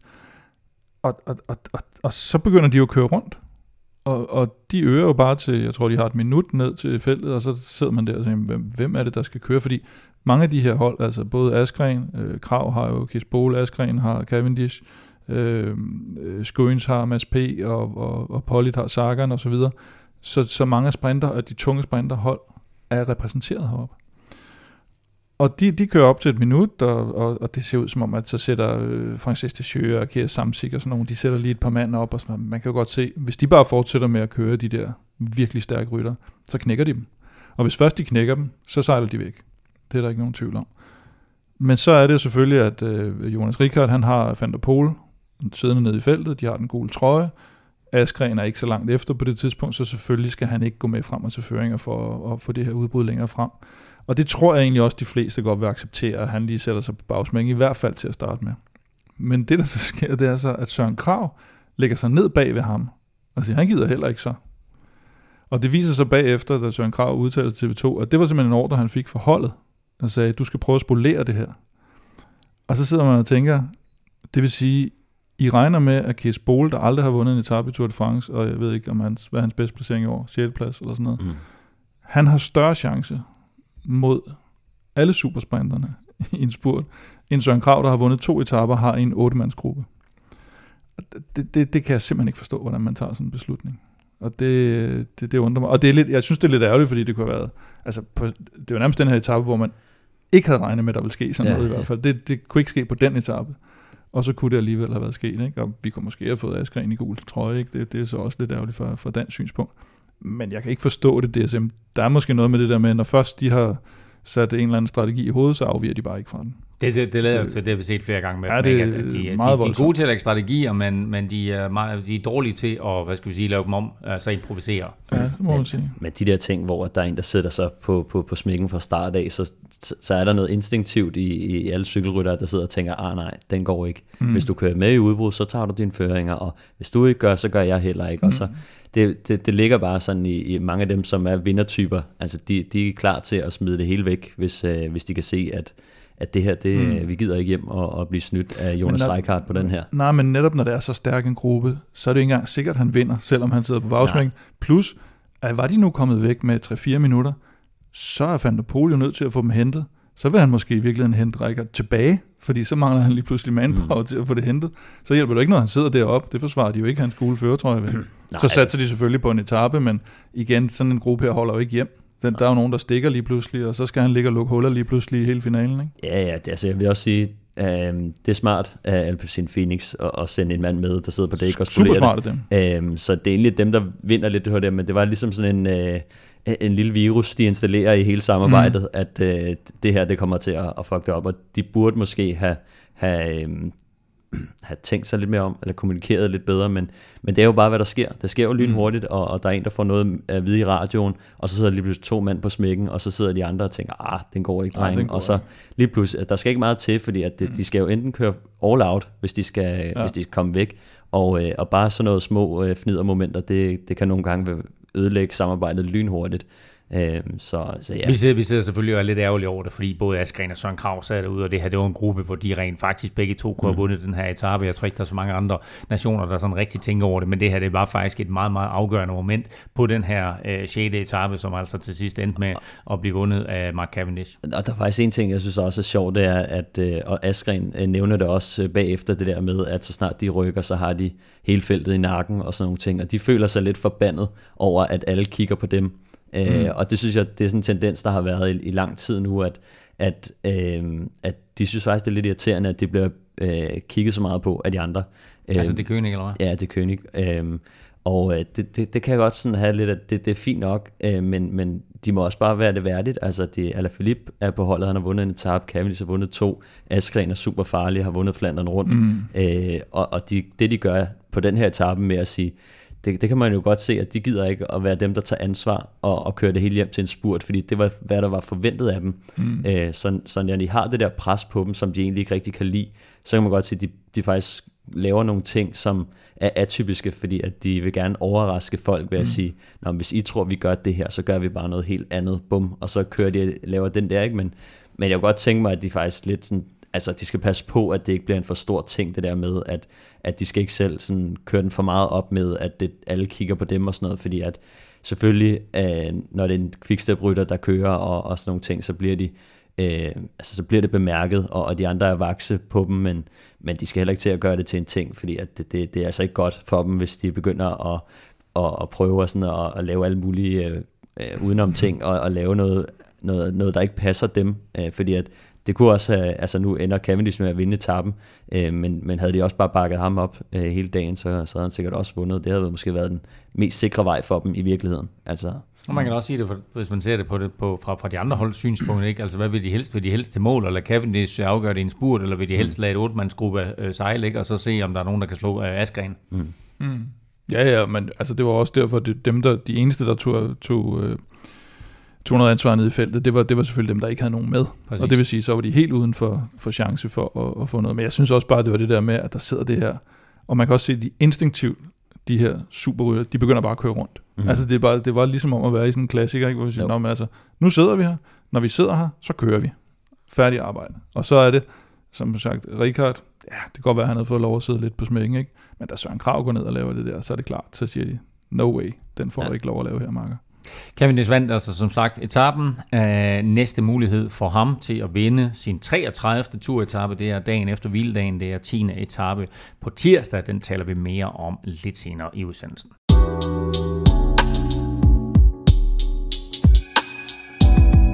Så kan vi igen sige Hello Tour sammen med Hello Fresh. Vi er nemlig glade for, at Hello Fresh er med os som partner under hele Tour de France, og det er de med et særdeles godt tilbud til dig. Hello Fresh er måltidskasser med sund og varieret kost, masser af muligheder, og du kan nu prøve fire uger med en rabat på hele 725 kroner. Gå ind på hellofresh.dk og brug koden HELLOTOUR, altså hello ligesom på engelsk, og så tour ligesom i Tour de France. Hello Tour. Stefan, der er hviledag i Le Tour. Mm. Uh, er det så bare store bøffer og rødvin nu for rytterne? Nej, det, det er det bestemt ikke. Måske kan det være, at der lige er til et, øh, et enkelt glas rødvin og, og, en, og en dessert. Øhm, men, øh, men ellers ej, så er, det, så er det en dag, hvor det virkelig handler om at få fyldt depoterne godt op igen. Øh, her, nu, nu har man så lige den, det, det lille pusterum, hvor at, øh, man lige kan... Øh, kan lige tage ud og, og, og trille en tur, og så øh, få lidt ekstra ro på, og, og, og den, hvad hedder det, øhm, og, og ja, så bare få en masse god mad. Altså det er så vigtigt, at, øh, at man får spist ordentligt, og øh, vi ved, at øh, holdene har dygtige kokke, der kan lave alt muligt lækker mad, øh, som øh, både har god protein og, og en masse gode kulhydrater øh, og, og sunde fedtstoffer, men, øh, men det, er, øh, det, er, det handler om at, om at bygge det hele op igen. Og Kim, som vi talte lidt om sidst, så har Hello Fresh også gjort det sådan, så hvis man ikke er hjemme her hen over sommeren, så kan man faktisk få Hello Fresh leveret op i sommerhuset. Man kan lave en lille hurtig adresse. Jeg ved jo fra Stefan, at man skal det kan vi lige sige til dem, der er Hello Fresher allerede, eller skal blive det, at man skal lige huske at ændre den der adresse, sådan en, øh, hvad er det, en fire dage før, eller sådan noget, man skal levere, tror jeg det er. Ja, lidt mere faktisk. Ja, øh, så ikke øh, man bare lige gør det dagen inden man, man, man får det leveret, så er det, så er det først næste gang igen, man, man, ja man får det. Og, det så, og så har de jo, jeg så lige, jeg var lige inde og vælge her for, for de næste uger, der, der er en del, hvor de sådan anbefaler, hvor de så siger, at den her passer godt til, til grill, for eksempel. Ikke? Mm. Så, man, øh, så de vælger lidt for en, eller gør det muligt for en at, at vælge, hvis man, er, hvis man kører, kører fire, fire grillretter. Og jeg skal faktisk i sommerhus i Lykken. Ja. Øh, så der har jeg lige sørget for, at øh, der lige kommer en kasse Hello Fresh op i sommerhuset, og der var nemlig lige nøjagtigt nogle øh, specielle grillretter med der. Så øh, fedt på en eller anden måde også bare at få muligheden for at prøve noget nyt, i stedet for det er altid det samme man mm. ligesom giver sig i kast med, når man griller, ikke? så pludselig mm. kommer der en, en anden øh, ret ind her, noget ny inspiration. Øh, der er 15 retter at vælge imellem, øh, og øh, du får anbefalet fire, man kan altså selv frit vælge til og fra blandt de her 15 retter. Så prøv Hello Fresh nu, brug koden Hello Tour, så får du altså hele 725 kroner i rabat på din første måned. Øh, du kan faktisk godt finde det her tilbud andre steder, men bruger du koden Hello Tour, så støtter du Velropa Podcast, og det øh, vil vi altså øh, sætte rigtig, rigtig stor pris på.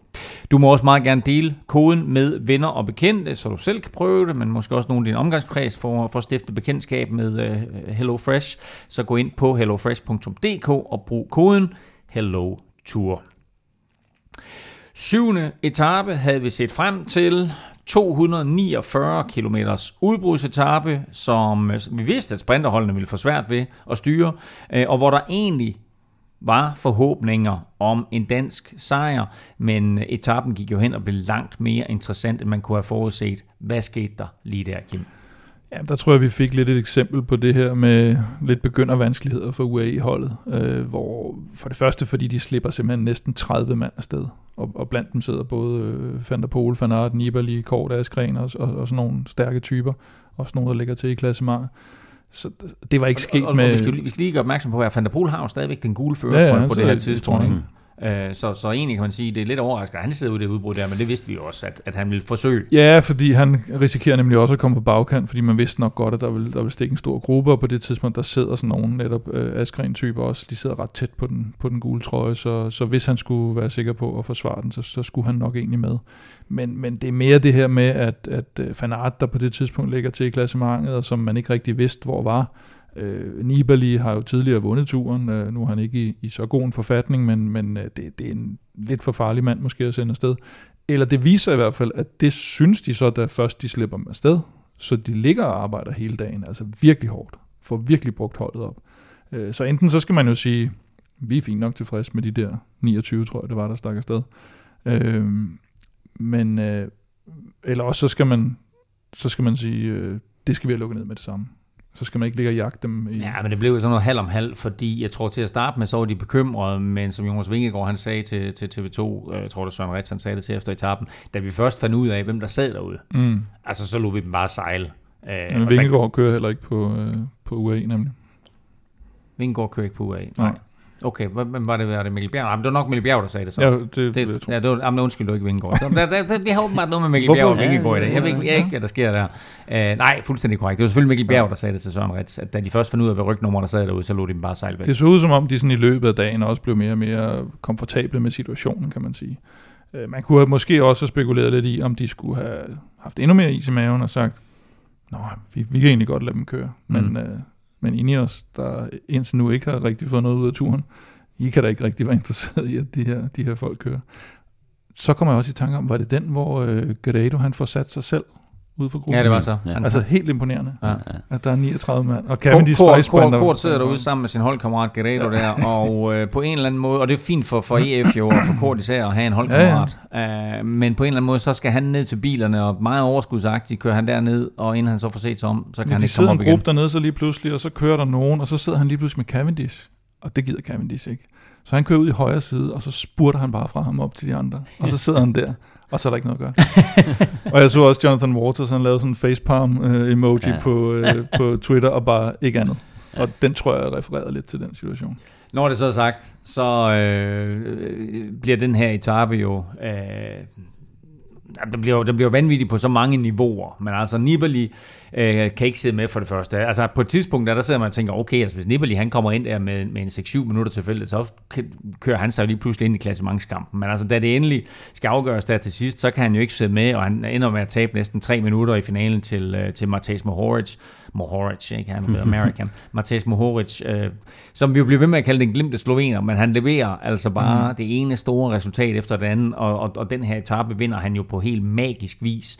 Øhm, og det der også var, var vildt med Nibali var jo, at han har Støjven og Tom Skuins med i udbruddet, mm. og har, jeg ved ikke hvor meget forspring, og ligger lige pludselig i klassementet og så kører de fra ham, altså fordi han simpelthen er så dårlig. Jeg ikke, skal ind også, altså, der, altså jeg synes jo, hvis nu vi skal tage fat i den situation, altså hvis de virkelig ville have kørt for Nibali, mm. så er det da mærkeligt, at de lå Støjven gå efter. Ja, ja, men det øh, viser jo også, hvor meget de tror på Nibali. Ja. Og han, han kunne jo heller ikke sidde med overhovedet.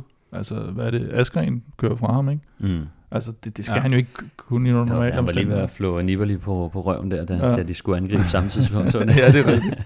og, øh, men så kommer den her situation, altså hurtigt kunne vi jo tale øh, langt og længe om, altså helt igennem fantastisk, som han sætter alle de andre. Øh, kort fortalt, han kører efter en, øh, nogle bjergpoint på et mm. tidspunkt, og får allerede 30 sekunder der i forhold til de andre, fordi han ligesom sprinter op af det der, den der lille bakke og så kører han videre på den mm. sammen med, hvem er det, han kører der? Det er Brent van Moor, ikke? Og Støjven også, tror jeg. Ja, så, så kommer der to mere op, og det er okay. så Støjven ja. og, en, og, en, og en fjerde, ikke? Og så sidder de fire, ja, og de, de får skabt et stort forspring, og Mohoric kører sig fra dem på den sidste stigning i umodståelig stil, og tager den her etape solo. Øh, van, vanvittigt imponerende af Mohoric. Mm. Men set med danske øjne, så er det jo her også, at Primoz Roglic, han taber næsten 5 minutter, og efter etappen, der erkender Jumbo Visma, det er slut, nu bliver Jonas Vingegaard fokuspunktet. Ja, det var, det var lidt trist at se faktisk uh, Roglic uh, forlade, uh, forlade Tour de France på den måde, synes jeg. Uh, men uh, altså, der var ikke noget at gøre. Altså, uh, og, og jeg tror også, de har overladt ham lidt til sig selv, så man kunne se på etappen, at, uh, at hvis han ikke kan følge med, så, uh, så er det dødstødet. Og, uh, og de bliver nødt til også at, at overveje, hvad de skal gøre, hvis han ikke uh, kommer sig. Så, så de har allerede tænkt ind, at, øh, at det, det handler om Jonas Vingegaard, hvis, øh, hvis Roglic han ikke øh, hænger på, og, og det var så dødstødet for ham. Og det er jo netop det der, fordi at det i øjeblik, han falder af, Roglic, mm. altså og inden etappen, ikke? Ja. Wout van Aert øh, siger, det, det drejer sig om at holde Roglic ind i kampen. Mm. Jonas Vingegaard siger, det drejer sig om at holde Roglic ind i kampen. Så snart Roglic han falder ud af bagenden, der sad ingen Jumbo Visma-rytter hos ham. Mm. Nej. Øh, apropos dansk succes, så var det meget, meget tæt på. Der var jo ikke nogen, der havde regnet med, at Mohortis han kunne køre den der hjem fra 90 km ude, den der bjergsprint, som bjergspurt, som jeg lige talte om, det var altså med 90 km igen, mm. og så kører han jo sådan en Mathieu van der Poel der, og holder hele vejen hjem Mohortis en, en, en ganske imponerende etappesejr.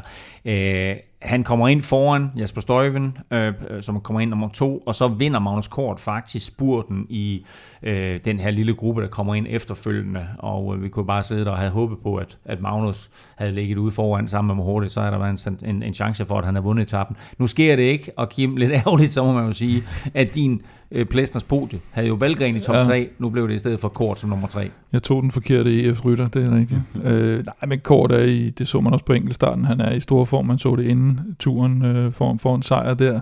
Øh, og jeg tror ikke, det er det sidste, vi har set til ham i, i, i det her Tour de France, selvom der er jo ikke, altså det gode ved det er, at han er begyndt at køre så godt i bjergene, for der er ikke super mange af de her mellemetapper tilbage. Der er en del sprinteretapper stadigvæk, som vi har været inde på til Cavendish.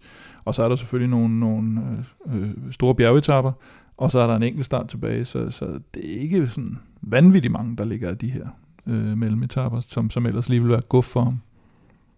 Vi har set Askren viser frem, vi har set Søren Krav være med frem, vi har set Kort øh, gør det godt ved, ved flere lejligheder overrask positivt. Øh, jeg kan også godt se Kort vinde øh, en etape der i, i, i tredje uge, men øh, jeg er lidt mere bekymret, Stefan, på Valgrens vegne. Ja, øh, jeg havde egentlig også håbet, nu har vi haft nogle, øh, nogle ret interessante øh, etaper, synes jeg, hvor at det, der er blevet kørt vildt cykelløb, og det har været dårligt vejr, som vi kender. Øh, mm. Det er der, Valgren nogle gange øh, lige har de upper hand. Og der er kommet mange afsted. Ja, og der er kommet mange afsted, og han har faktisk ikke øh, lige ramt den. Og øh, ja, det, det, det bekymrer mig også lidt i forhold til, jeg synes, at, at han burde egentlig have formen til at være der, men øh, han har nogle gange bøvlet lidt med at mangle den der acceleration, øh, der skulle til. Og øh, jeg tror måske også, at det bare ved at være noget tid siden, at han er, han er, han er ikke lige så skarp, som han var i Astana-dagene til at ramme momenterne.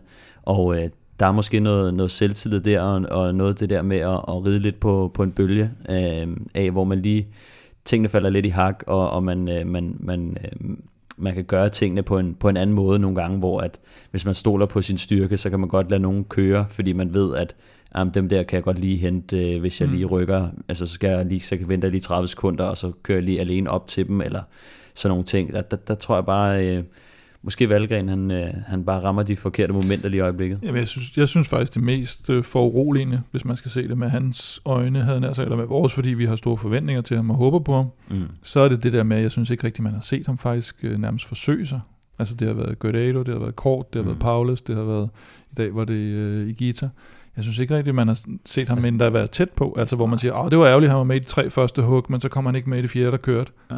Altså den, den her så stor en gruppe, den skal han ramme. Ikke? Altså, vi havde også håbet lidt på, at, at han og Kort kunne sidde ude sammen. Det har vi talt meget ja. om, at, at de måske kunne, uh, kunne lave sådan en, en uh, standard-kopi, som de gjorde der i 2018, hvor Kort han vandt, det lykkedes ikke. Der er lige en sidste ting, jeg vil hive frem for den her etape, og det er faktisk noget, som, uh, som jeg lige kom i tanke om, som jeg synes var super bladet. Nu nævnte du det der med, at, at, at dig, Kim, der nævnte det der med, at Cavendish han spurgte tilbage op til mm. feltet. Cavendish's rolle i det her udbrud var jo vildt blæret, synes jeg. Fordi her har vi en, en topsprinter, der er på vej til at slå en legendarisk rekord, og Askren siger efter etappen, den eneste grund til, at uh, Cavendish han sad i et udbrud, det var for at servicere Askren. Og da han så var mm. færdig med det, så lå han så bare falde tilbage. Det er, altså, det er virkelig, virkelig stor hold on. Ja, det synes jeg, det er, det er imponerende. Han sidder i den grønne trøje også.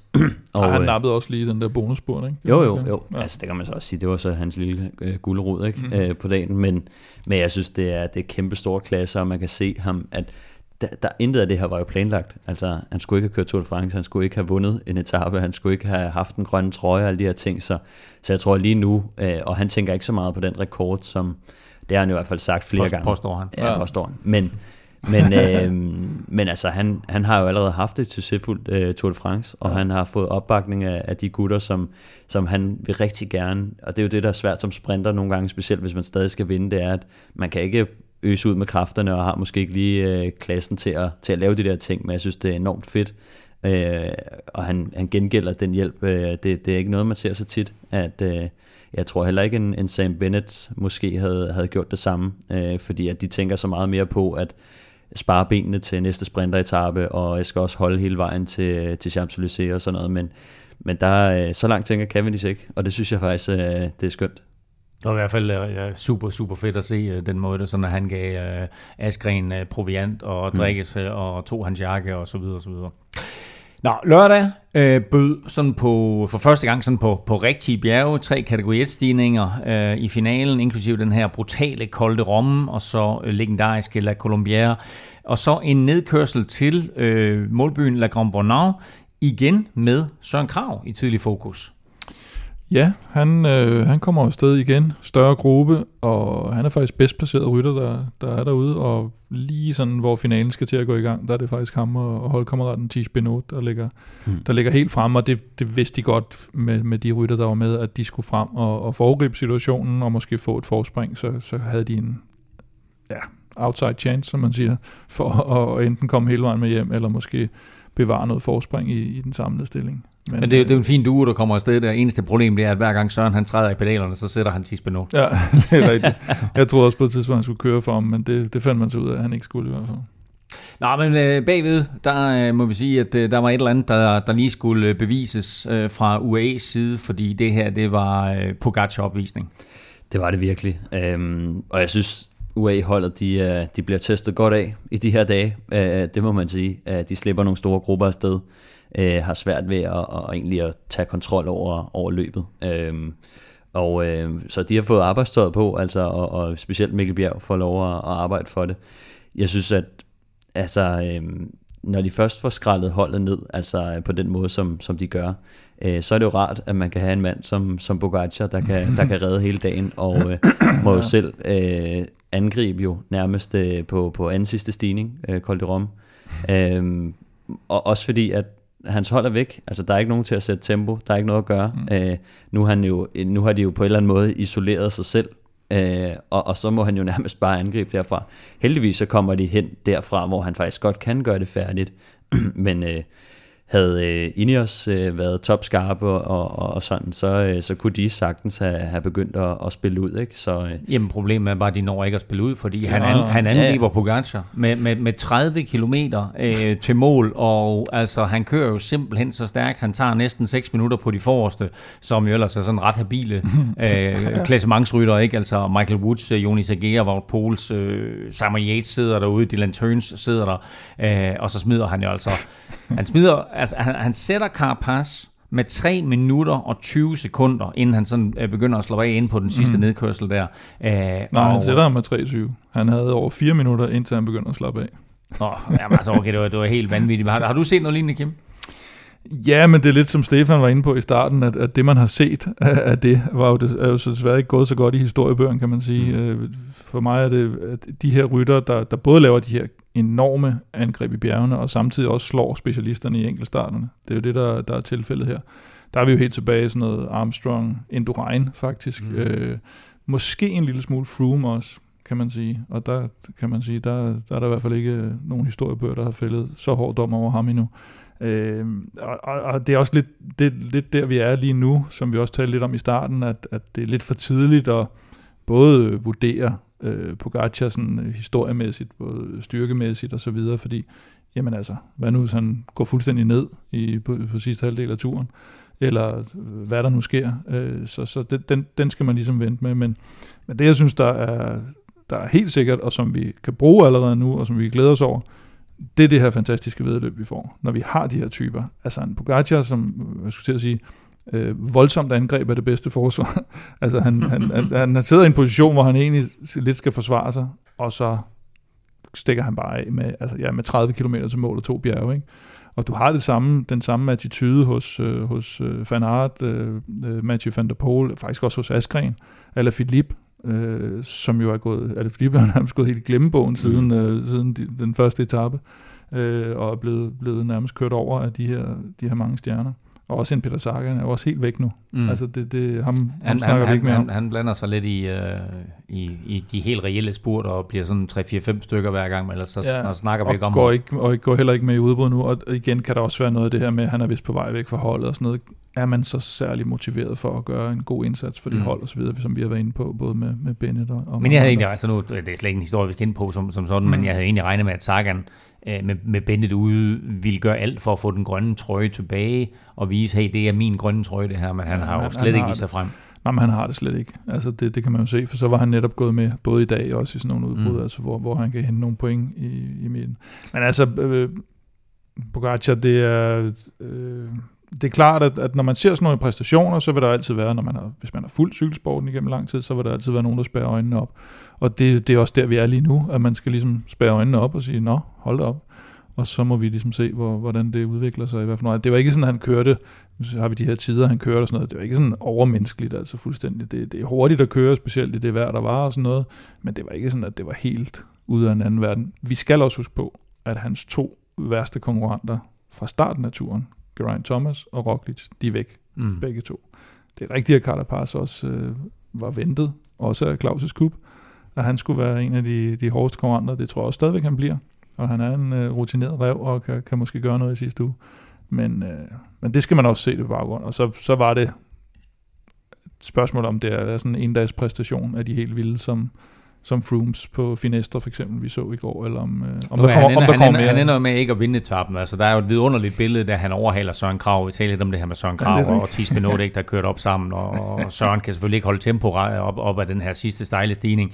Men da Søren han bliver overhalet, af Tadej Pogacar, der er der et vidunderligt billede lige ind i hjelmen på Søren, og man ja. bare kan se, at han sidder der med fiskemund og bare tænker, hold da Jamen, det er det, som jeg tror, det er det, Chris Anker kaldte for Belgiamund. Og Belgia, altså, det er ja, sådan en, det er jo sådan en slags uh, anerkendelse. Ja, ligesom, ja, mm-hmm, ja, ja, præcis. Mm-hmm. Ja, mm, okay, så er, det, så er det med den på, du kører ja. nu. Ikke? Altså, noget af det, jeg faktisk godt kan lide ved, ved, ved, ved Pogacar, sådan uh, nærmest overmenneskelig præstation, det er de der uh, utrolig simple forklaringer, de har på, hvorfor det er, han kører så stærkt. Altså på enkeltstarten, var sådan noget, vi, var, vi havde lige gået tilbage til den samme øh, enkeltstartsposition, som han havde sidst i turen, hvor man sådan tænker, hvorfor er I gået væk fra den, når han kører i alle mulige andre løb? Det virker da underligt, men det var så derfor, og her der var det fordi, jeg går lige regnvejr. okay, hvis man selv havde det sådan, ikke? Det, Nå, nu skinner solen, nu skal jeg ud, nu sætter jeg 10 ja, personlige rekorder. Ja, jeg vil så også sige, øh, altså, scenen har også været der. De, har, altså, de, ja. har, øh, de, har haft, øh, de har haft en enkeltstart, øh, som vi ved, at han er god til at køre enkeltstarter. Jeg ved, altså, han har overrasket mig også og, mm. øh, på, på enkeltstarten. Så har vi haft en to bjergetapper, kan man godt sige. Ikke? Og, og, øh, og han har allerede fem minutter på, øh, nu, ved, nu tager jeg lige Ben O'Connor ud af ligningen, ja, ja. fordi han har mm. kørt ud, men, men det er fem minutter ned til, til nærmeste forfølger, der er Uran, øh, og så kommer de sådan lidt, lidt dernede, ikke? Øh, med Vingegaard også, men, mm. men det er meget tid at hente, så, så, så, øh, så kort inden i Tour de France, kan man sige, hvor vi ikke engang rigtig har taget hul på, øh, på de aller værste etaper. Nej, og specielt fordi man jo inden turen talte om, alberne kommer ikke til at blive så afgørende. Der er mange sprinteretapper i år i forhold til, hvad der plejer at være, så vi får nok sådan lidt mere sprinteragtig mm. indledning på, på løbet. Så, og vejret har så selvfølgelig Men gjort, at der... Vejret er styrende, ikke? Og det, jeg ja. synes at også, at vejret er, er ligesom en, en faktor, hvor at vi ved faktisk også, at Pogacar er god i regnvejr. Ja, ja. Øh, men det er også på de dage, hvor at man skal køre nogle lange øh, bjergetapper, og det regner, der, øh, der er ligesom om, man kan gange tiden op med, med to ja. ikke, øh, tidsforskellene. Så, så altså, men jeg synes ikke, det er, det er over. Jeg synes stadig, vi har Simon Yates øh, i, i frisk i rendringen, dengang mm. han, han også øh, ja, ja. han havde sat de, alle de andre med to-tre minutter, øh, oh, og havde tre etappesejre, ja. og så lige pludselig så knækkede han øh, tre mm. dage tilbage. Mm. Øhm, så jeg, jeg vil gerne lige se ham øh, og det kan, fortsætte. være, det kan være, at Jumbo Visma de har planlagt øh, noget fueling strategy ja, for, for Jonas Vingegaard på, På Bang etappen ja, præcis. Nå. Æh, prøv at Pogacar, han var suveræn, øh, men han, kommer faktisk ikke først over stregen. Æh, det gør til gengæld for øh, anden dag i træk, må næsten være, ikke? En Bahrain Victorious rytter, fordi Dylan Tøns, han, øh, han vinder den her etape. Ja, altså øh, Dylan Tøns, han, øh, han kører en fantastisk etape, også en af dem, som, øh, som er rigtig gode øh, i den her slags øh, etaper, hvor at, øh, de kommer ud, og det er lidt kaos. Han, øh, det er jo Woods egentlig, ikke? Der, øh, der er et langt stykke hen ad vejen ser ud til at, at være manden, der, øh, der skal løbe med det hele, men, øh, men øh, Dylan han er bare stærk og, og gær lige op og, og kommer op og henter, henter ham til sidst, og, øh, og stikker afsted og, og kører rigtig stærkt øh, på den sidste nedkørsel også.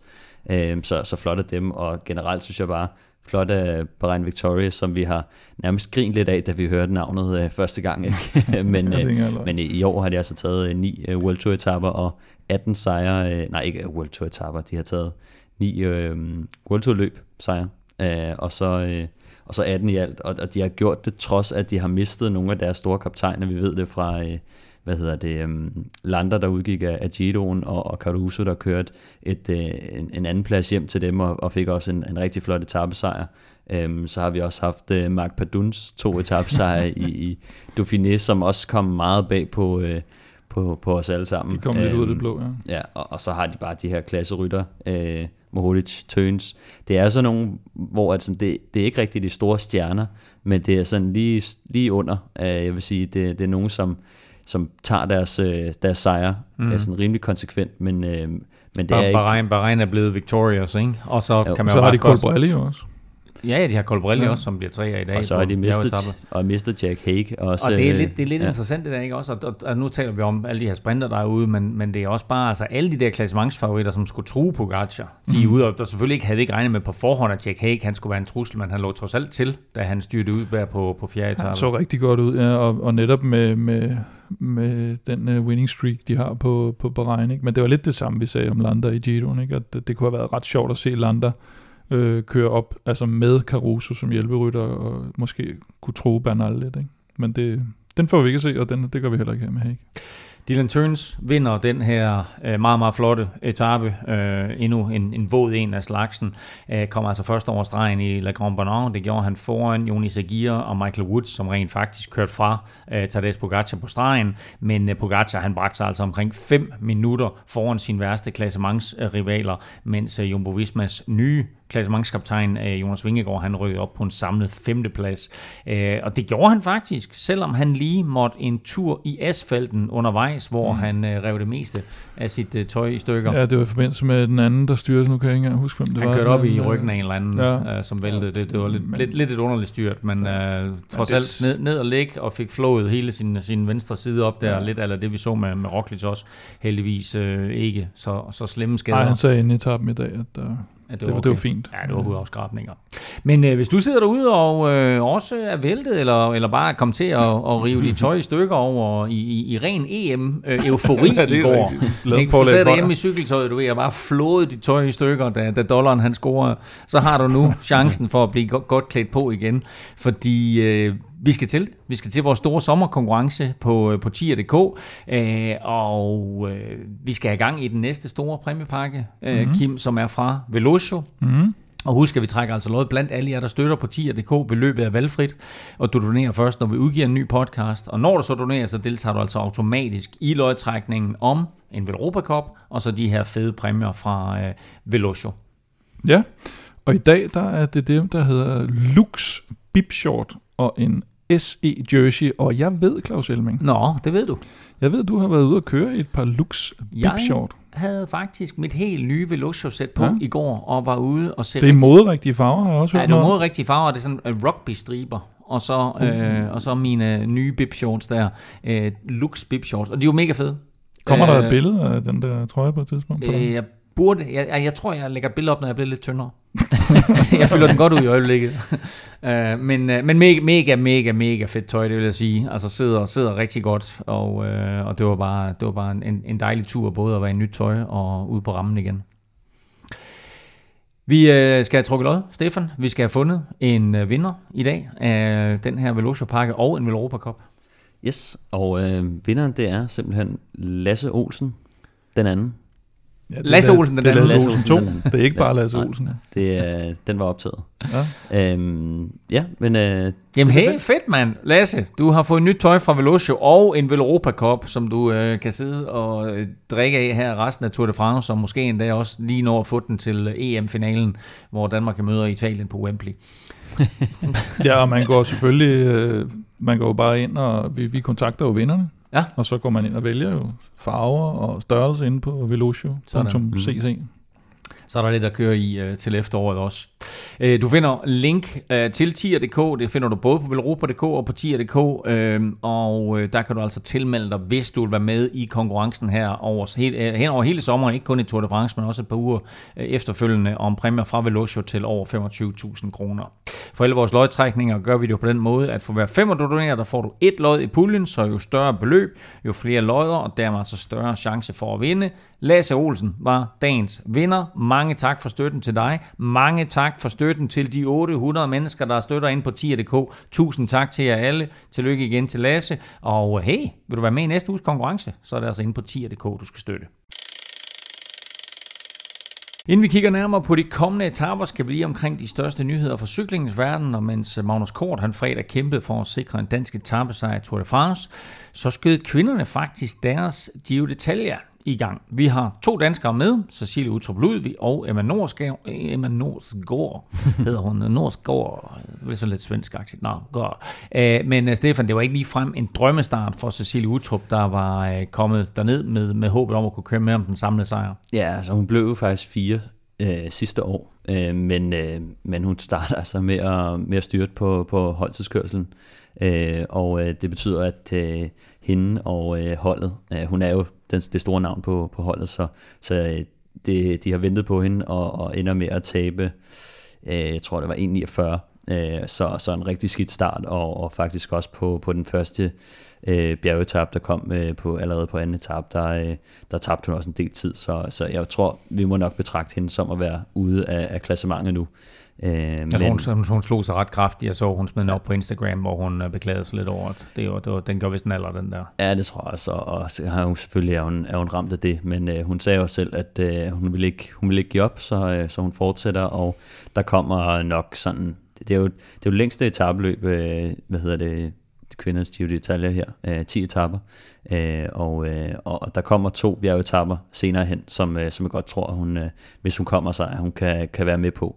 Øh, men ellers så, så kommer der også noget fladt terræn, hvor at øh, Emma Norsgaard øh, måske kan tage en etape eller to på, øh, på nogle af de flade. Hun har jo øh, stadig øh, super god form og, og er jo super skarp i, i, øh, i finalerne, når det, når det bliver en, en spurt som oftest. Og øh, det er jo også et løb, som er præget af, selvfølgelig er mange af de bedste med, men, øh, men der er ikke lige så mange sprinter, som der er i de belgiske øh, løb, Mm. som, øh, som, som man også har ligget og, og nærmest domineret. Ikke? Så, øh, så jeg tror godt, der kunne ligge et par etappesejre til hende, men indtil videre, så er det altså øh, SD Works øh, holdet, som, øh, som har sat sig tungt på det, som, øh, som var det Anna, Anna van der Breggen, der, der vandt, øh, hvad hedder det, bjergetappen der med en, med en 13 km stigning, de, de sluttede på. Øh, og øh, efterfulgt af hende, der var to holdkammerater i øh, Demi Follering og, øh, Ashley Morman. og Ashley Moonman, der kom ind som, som toer. Så, øh, så de sidder øh, som, som et 2 og 3 klassement nu og kommer nok til at, at styre den her øh, rimelig sikkert hjem, ser det ud til. Øh, så, men, men vi håber, at, øh,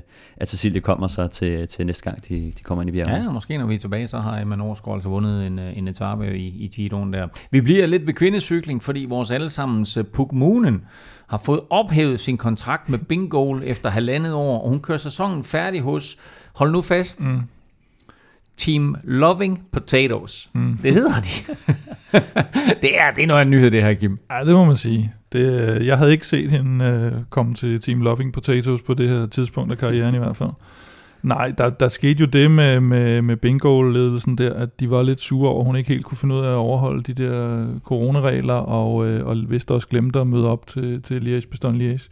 Så, øh, så der gik lidt fnider i den, og så har de sådan sikkert i fælles forståelse måske fået ophævet kontrakten, og, øh, og, og, Puk var også ude med, at hun ikke var så godt et sted i, i sin karriere, i sit liv, hvis med noget sådan halv, halv depressionsagtigt efter nogle skader, så jeg synes, det er fint, hun får chancen på, øh, på Team Loving Potatoes. Hvis Det lyder som et, et godt sted at være. Ja, det har aldrig hørt om det hold, men uh, ja. Team Loving Potatoes og Puck Moon, en match made in heaven. Uh, vi skal til lidt flere transferrygter, fordi ifølge Ekstrabladet, så er de to Trek-rytter, Niklas E. og Jakob Eholm, færdige på Trek Segafredo efter den her sæson. Til gengæld skulle det der uh, amerikanske italienske mandskab så finde plads til uh, talentfulde Asbjørn Hellemose, som vi har talt lidt om, uh, og som jo senest her blev femmer i det, vi kalder Baby Giroen. Ja, og Asbjørn, han, øh, han er jo kan man sige, den dansker dernede, som, øh, som overraskede lidt. Øh, vi havde nok regnet med, at øh, Anton Charmik skulle, øh, skulle være den, den dansker, øh, som har gjort det godt. Men øh, efter han udgik, så, øh, så var det ligesom om, at øjnene rettede sig lidt med, øh, mod, øh, mod Asbjørn, som, som er den her øh, 22-årige dansker, som, øh, som tog til Italien for at, øh, for at udleve drømmen. Øh, og, øh, og han har egentlig gjort det ret godt og, og ender som, som femmer samlet i, i Baby Giroen her, som, som også betyder, at, at mange store holdene de kigger lidt, øh, kigger lidt mod ham. Øh, men det er hans, øh, nok hans største resultat. Øh, så forhåbentlig kommer der mere af den øh, skuffe, men, øh, men, men jeg tror godt, øh, at, at et af store holdene kunne, kunne kigge lidt på ham. Niklas E. formoder, jeg får en øh, kontrakt hos et andet hold. Hvor er vi henne på Jakob Eholm? Ah, den er svær, hvis ikke han kommer ind der. Ikke? Den, den, det var nok Mads Peter, der, der banede vejen for den kontrakt, øh, for de gode venner, og, øh, og han vil gerne have ham over. Så, så hvis ikke han får lov at fortsætte der, så, så, så tror jeg, den bliver svær. I hvert fald på World Tour niveau.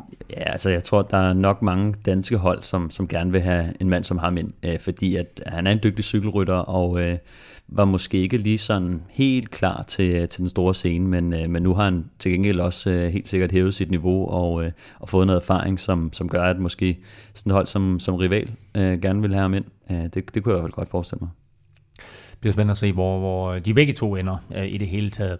Det bliver også spændende at se, øh, om øh, skilte kvinden fra første etape, hun, hun ender i fængsel, eller, ja. eller hvad der sker med hende, fordi indtil videre, der, hun melder sig selv vist nok, øh, tror jeg. Øh, og ja, efter et stykke tid. Ja. Efter et stykke tid, ja. Og øh, nu er hun i... Øh, er hun, er hun varetægtsfængslet? Det tror hun jeg, skulle i hvert fald for nogle dage siden, ja. skulle hun forblive i, politi- okay. i, i ja, politiets varetægt. Ja, og det kan, ikke, det kan ikke passe, at de holder hende indespærret indtil 14. oktober, men det er i hvert fald Ej, der, hvor, hvor en retssag den er berammet til. Ja, og, og, og ASO havde jo sagt, at de ville droppe anklageren, men så kom CPA, altså Rytterforbundet, ind og sagde, at de ville godt fastholde anklageren, og så, så ved jeg ikke, om der så er et eller andet med, at nu når sagen ligesom er startet, at så skal det franske politi måske gøre den færdig. Eller, og så kom der sådan en lidt kryptisk melding med, at, øh, at, der var, at det var sådan noget med øh, medicinsk-juridiske aspekter, der ikke helt var afklaret, mm-hmm. sagde anklageren. Mm. Og det ved jeg ikke, om det er sådan noget med, at hun har været påvirket af et eller andet, whatever, at det er den vej, den lige pludselig, altså jeg ved ikke, hvad medicinsk øh, sindssyge gerningsøjeblik, jeg aner ikke. Altså det, når man, altså det virker underligt, at det er den vej, den, øh, den, der må være et eller andet der, de mangler at undersøge i hvert fald. Ja. Ja, det, det, var lidt sindssygt, om hun var sindssyg gerningsøjeblik, det har jeg ingen anelse om. Men nu har hun i hvert fald, nu har hun i hvert fald meldt sig selv, og så må vi se, hvordan sagen den ender henne. Ja. Øh, fordi man kan sige, det er lidt ligegyldigt.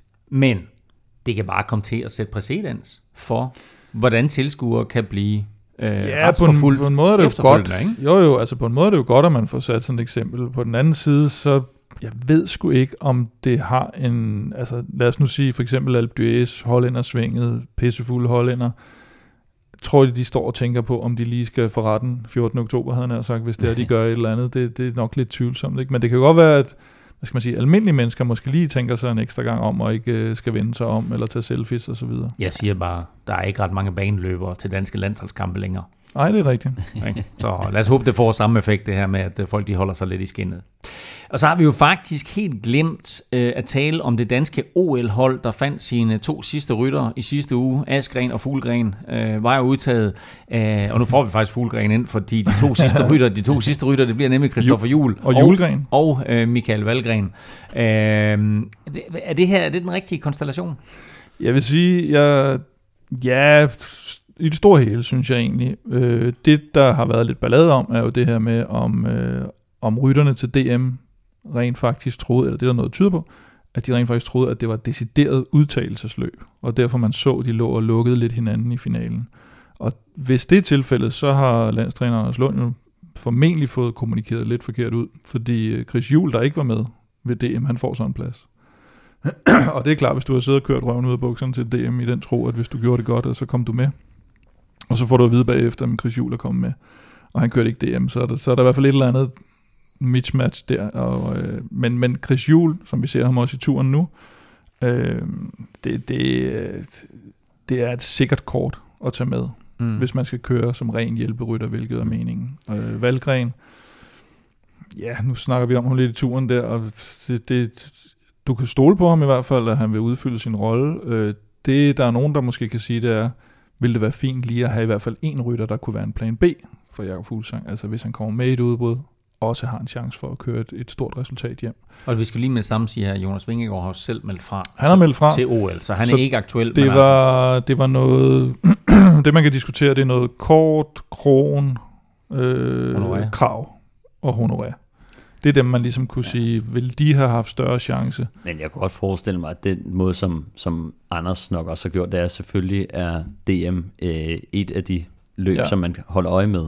Og øh, der har han nok siddet og tænkt, at hvis, hvis Krongrav nogen laver et, et sindssygt solorit og viser stor form, øh, så kunne det godt være, at, at de skulle tage med, men ja, han har ikke sikkert på haft, min, øh, ja. ja. altså, men jeg tror, han har nok tænkt, at Chris Juhl skulle, øh, skulle være med øh, ja. fra start af, med mindre, at der skete noget vanvittigt til DM. Og, og, og det er så, også super fint, at det er sådan, og det, jeg, det kunne sagtens forsvare det hold, der er.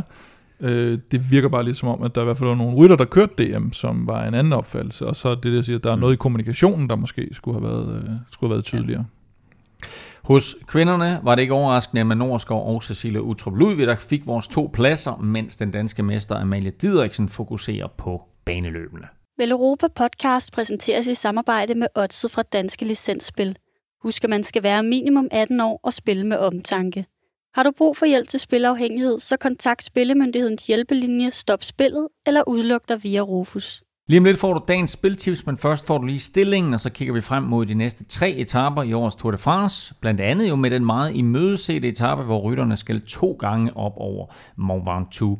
Hvis du vil høre en samlet gennemgang af alle turetaper, så skal du lytte til vores special med rutekorrespondent Kasper Kagård. Det er episode 135 fra december måned sidste år, altså 2020. Stillingen, som den ser ud lige nu. Tadej Pogacar, sidste års vinder, er i gult. På anden pladsen og 12 pladser frem i klassementet kommer Ben O'Connor i dag efter sit vanvidsrit på 9. etape. Han er to minutter efter Pogacar. Eh, Rigoberto Ran ligger der fuldstændig neutral på tredje pladsen. eh, han er 5 minutter 18 sekunder efter, men altså han ender med statsgaranti næsten på podiet og kunne sagtens gå hen og blive nummer to i den her tur, uden at have vist sig frem overhovedet. Mm.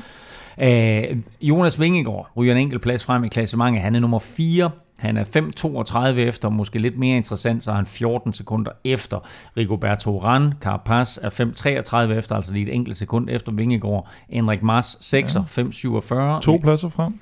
Tæt på podiet. Ja, det vil, det vil du sætte pris på. Henrik Mars, øh, som sagt, er på 6. pladsen. Vilko Kelderman 7. Lutsenko øh, taber tid i dag, ryger ned på 8. pladsen. Gillian Martin på 9. pladsen, og så din lille held der fra Frankrig, mm. David Gody, øh, Kim er nummer 10. Øh, og det var altså bare lige øh, top 10 det her, og øh, David Gody er 7.22 efter. Og man kan egentlig sige altså, at øh, det er en kæmpe forspring, han har allerede på Garcha, mm. i hvert fald til, til de nærmeste, eller til de største klassementsfavoritter, øh, men altså stadigvæk øh, 10 rytter inden for 7,5 minut. Der er trods alt en, en hel del at kæmpe om, og så kan vi jo håbe på lidt, Stefan, at der kommer lidt spænding i øh, den samlede stilling, hvis nu Pogacar han skulle få en sådan en semiskidt tredje uge.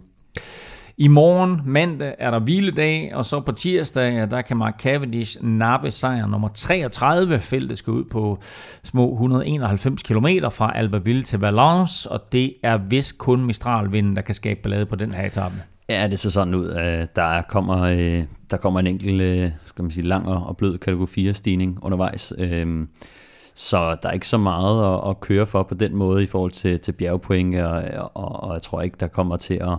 Jeg synes, det, det er en ukompliceret etape, som, som ligner en sprinteretape, der kommer med en, en 45 km igen, kommer der en, en lille en lille bakke, som ikke er kategoriseret, en 5 km øh, på, øh, på 3,8 procent, som man sige, hvis der er nogen, der skal lave noget ballade i forhold til sprinter og sådan noget, så skulle det være der, men jeg tror, at den er, det er for langt for mål og, og, og for blødt til at, at skille sig af med sådan en som, som Mark Cavendish. Øh, men, øh, men jeg synes, at nogle af de her tapper, hvis der kommer lidt vind, øh, så, øh, så har vi altså set noget, og vi ved, at at mange af de her øh, hold, de skal til at tænke lidt øh, alternativt, hvis de skal, øh, hvis de skal med, med, med Pogacar. Øh, måske øh, hvis, hvis de har ømme ben øh, på sådan et etape, så kunne det være sjovt at se øh, nogle af de andre hold prøve, at, prøve noget af, hvis, der, hvis vinden øh, står rigtigt, men, men ellers så ligner det en, en Der er i hvert fald et, et par chancer i den kommende uge for noget, øh, noget sidevind. En, en lille fun fact faktisk til jer. En fun fact? En lille fun fact ja. til jer, det er, at uh, turen seks gange tidligere har haft enten start eller mål i OL-byen Albertville, uh, og bortset fra 2018, hvor Greg van Avermaet han havde den gule føretrøje, så har årets vinder af Tour de France også haft den gule trøje på Albertville-etappen.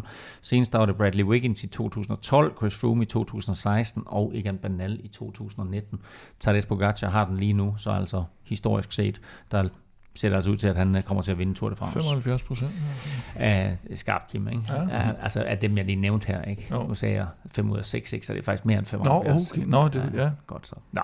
Mens øh, 10. etape, den øh, var flad, øh, så er 11. etape alt andet faktisk, så er det lidt fra den ene yderlighed til den anden, fordi onsdag, der skal rytterne nemlig, som sagt, op ad Mont Ventoux, ikke én gang, men to gange. Ja, ikke kun det, fordi øh, ja, de starter blødt ud med, med, med to kategori 4 stigninger og en bonusspurt. Men det har vi jo så set, hvordan det kan komme til at, at skabe ballade også, hvis, øh, hvis folk vil, vil køre efter og, og skulle hen til bakkerne og, og skulle over bonusspurten, så kan det godt trække feltet ud. Og så er der jo faktisk en, en lille forret, der hedder Col de la Ligu- Liguière. 9,3 km med 6,7 i snit. Det er jo ikke, ikke for børn, men, øh, men må, må ikke først det, det, det går løs på Mont Ventoux. Og nok ikke første gang, de skal op over Mont Ventoux, fordi det er, det er den her lidt ukendte opkørsel, kan man sige, for, for en by, der hedder Salt. Øh, og den er relativt blød. Den er, jeg tror, den er omkring 5% i snit. Det, det sidste stykke fra Chalet Renard op, Mm. der, der er det lidt de sædvanlige Der er, tre, procenter. der er tre veje op til toppen ja. af Mont Ventoux. Der er for Malocène, og så er der for Bedouin. Øh, de to mest kendte er Bedouin, den klart mest kendte, som de også går op af til, til sidst. Og så er der den her Salt, eller hvad den hedder øh, på fransk, øh, jeg er ikke helt sikker på. Og det er, det er den helt klart øh, nemmeste. Og den til Malocène, den skal de faktisk nedad to gange, men, ikke opad. Mm. Så de kører op ad den her relativt bløde, og så skal de så ned til Malocène, og så kører de sådan, hvad skal man sige, øh, på siden af bjerget faktisk, over til Bedouin fra Malocène. Der skal de faktisk over en lille, en lille bitte stigning, øh, der hedder Col de la Madeleine, som ikke er Col de la Madeleine, men er sådan en lille ubetydelig, øh, men ret hyggelig lille vej, der går derover. Og så er det Bedouin, og så er det de her øh, 15, et eller andet kilometer med, med 8,8 i snit. Og først op igennem skoven og til Chalet Renard, og så op i det her månelandskab til sidst, hvor øh, der skal nok blive skal nok blive kørt i hvert fald. Jeg kan huske, at jeg var på Alpe d'Huez, da Tour de France havde 100 års jubilæum, og valgte at køre to gange op ad Alpe d'Huez. Og da jeg så de der ryttere komme i mål, altså de var jo fuldstændig færdige. Uh, Jeg kan huske, Ja. jeg, sad, jeg så Jens Fugt, der bare sad op ad et rækværk. Lidt eller, lidt eller faktisk det, vi så med Mathieu van der Poel, efter at han var blevet nummer 4 der i enkeltstarten, mm. men altså helt fuldstændig færdig. Nu er det, som du siger, den bløde opkørsel første gang, og så den, den hårde anden gang, men det er stadigvæk op af Mont Ventoux. Plus de har den her stigning før, plus at Ventoux er noget hårdere end Alpe d'Huez. Altså Alpe d'Huez har det her lidt ikoniske, kan man sige, på grund af de hårdnålesvingene, og på grund af, også på grund af det her motionsløb, der jo også er hver gang, altså, så mange har prøvet at køre det. Men, men sådan hårdhedsmæssigt er det jo faktisk ikke, ikke der er det jo sådan relativt middelmodigt øh, alpebjerg egentlig. Så, så det her er væsentligt hårdere, tror jeg. Man kan Øh, sige, der, når og så er der altid noget vind i spil deroppe på toppen også. Det er der også altid, for det, det ligger fuldstændig øh, blottet for alting. Øh, men igen, som vi har snakket om 100 gange, alt afhænger af, hvordan det bliver kørt. Altså, hvornår angriber folk, og bliver Mm. det, bliver det, bliver det i gåsøjne kun de sidste 6 Mm. km derop, eller bliver det helt ude for, øh, for tredje stigning før, Mm. før Ventoux, der er kæmpe forskel på, og hvordan bliver vejret osv. Men det er jo samme, øh, samme afslutning som i Mont Ventoux Challenge, ikke? hvor at, øh, Lopez han, øh, han gjorde det mega godt. Øh, Lopez har gjort det godt, Så- og Vlasov fik jo sin, øh, sit gennembrud i den, mener jeg også. Og så Ja. kører de jo altså ned til Malocène til sidst, så de slutter ikke op på, øh, Mm. på toppen deroppe ved, ved værstationen. Fuldstændig rigtigt. Der er sådan en, en nedkørsel der fra toppen af, øh, af Mont Ventoux. Øh, og så må vi se, hvem og hvordan folk de ligger til. Men uh, torsdag, der øh, kan vi sige, der kommer vinden i hvert fald måske igen i spil, når 12. etapes 159,4 km slutter i den franske by Nîmes. Hvad bliver det for en etape, Stefan? Øhm, ja, det bliver igen sådan lidt en, en klassisk øh, sprinteretappe, ser det ud til. Øh, der er ikke, øh, det er sådan lidt af kuperet terræn øh, hele vejen, en enkelt øh, kategori 3-stigning øh, midt på, på dagen, øh, men, øh, men det som, som Nîmes egentlig også er kendt for, det er at have de her brede, åbne veje, øh, så, øh, så specielt hen mod afslutningen af etappen. Øh, igen, hvis vinden står rigtigt, øh, så, øh, så er det i hvert fald en, øh, en etape, der virkelig godt kunne, kunne udvikle sig til noget spændende. Øhm, så, så jeg vil i hvert fald være, jeg vil ikke være så tryg ved, ved at bare kalde det en, en sprinteretappe, fordi at øh, med, og igen med, med, på den måde, som, som klassementet ligger på lige nu, så er der altså nogen, der, der gerne vil ud og, og lave noget lidt, øh, lidt anderledes, og øh, jeg synes også, at vi har set et, et quickstep-mandskab, der faktisk er, er med på at, at lave noget lidt, lidt anderledes, øh, og ikke køre den så meget efter bogen, så... Men det, men det der også hvad skal man sige, gå så en problemet for dem, der ikke vil have Cavendish-vinder, for eksempel, det er, at han er oftest ret snu til at komme med i de her, når det er sidevind. Ja, og, og, og han kører holdet. på et godt hold, ja. øh, som er, er kendt for at være der, øh, når, når der sker med til at starte det. Så, øh, så hvis, han, øh, hvis han gerne vil have en lettere etape sejr, så, øh, så mm. kan de bare øh, sætte den, øh, skyde den af. Men altså sådan en, en 159 km etape, øh, der skal ind i en spurt, det skulle ligne øh, Christian Prydom dårligt, hvis der ikke var taget højde for, at der forhåbentlig skulle komme en masse vind på den her etape, der skulle kunne, kunne skabe en lille bitte smule kaos. Øh, hvis Cavendish har vundet den der 10. etape på tirsdag, så er der altså chance for her, at han kan tangere rekorden allerede mm. på torsdag. Mm. Og det bliver sådan uh, lidt, lidt det historiske aspekt, vi skal holde øje med. Men altså, der er, der er lang tid til torsdag, og Cavendish skal altså lige først over stregen der på 10. etape, hvis, hvis vi skal snakke om det her til den tid. Vi skal have nogle spiltip på banen, og øh, vi har jo faktisk øh, en Europas vinder, der går hjem, nemlig at Cavendish vinder 6. Mm. etape, det var til odds 4,40, ja, ja. så øh, det, er, det, var, det var super godt odds, der gik hjem der. Så lad os få de tre øh, spiltip på banen. Vi starter med Europas vinder. Skal jeg tage øh, Cavendish så den her gang? Jamen, det kan du godt. jeg har hørt rygter om, at det, at det blev sat lidt ned oddset. Ja, altså vi, øh, vi vil gerne have, at øh, et odds, der hedder Cavendish vinder mindst fire etapper, som er oppe og tangerer rekorden. Mm. Øhm, og øh, den er desværre faldet lidt, fordi at øh, vi fandt ud af, at øh, Tim Malje er ude, og øh, Demare Og det her var, var vel i princippet inden Demare? Ja, så jeg, det kan jeg, være, den er endnu lavere. Jeg tror, den, det, det, det er helt vildt, fordi at øh, nu ligner Cavendish jo klart den hurtigste mand overhovedet, og har jo kæmpe store chancer på, på, mm. på alle de etaper, der er inde i en spurt, så, så den er faktisk helt nede i, i 1,6 lige nu. For at han... For han vinder mindst fire etaper. Han har jo to, så han skal have to mere. Okay. Æh, så øh, ja, det, jeg det, synes, det var et godt odds. Ja, men, hvis øh, den bliver i 1,6, så er det jo faktisk et ret fornuftigt odds, fordi det er ja. jo nærmest kun Buhani, man kan se øh, kan slå ham. Altså, skulle så spille den til, til 1,6, ja. vil jeg sige, øh, hvis man får den. Sådan, det var vel Europas vinder, så skal vi have Stefans staldtip. Ja, og den er, sådan, den er udviklet sig lidt i en kedelig retning, synes jeg. Men øh, Wout van Aert, synes jeg ikke har været så, øh, så vild, som han var sidste år.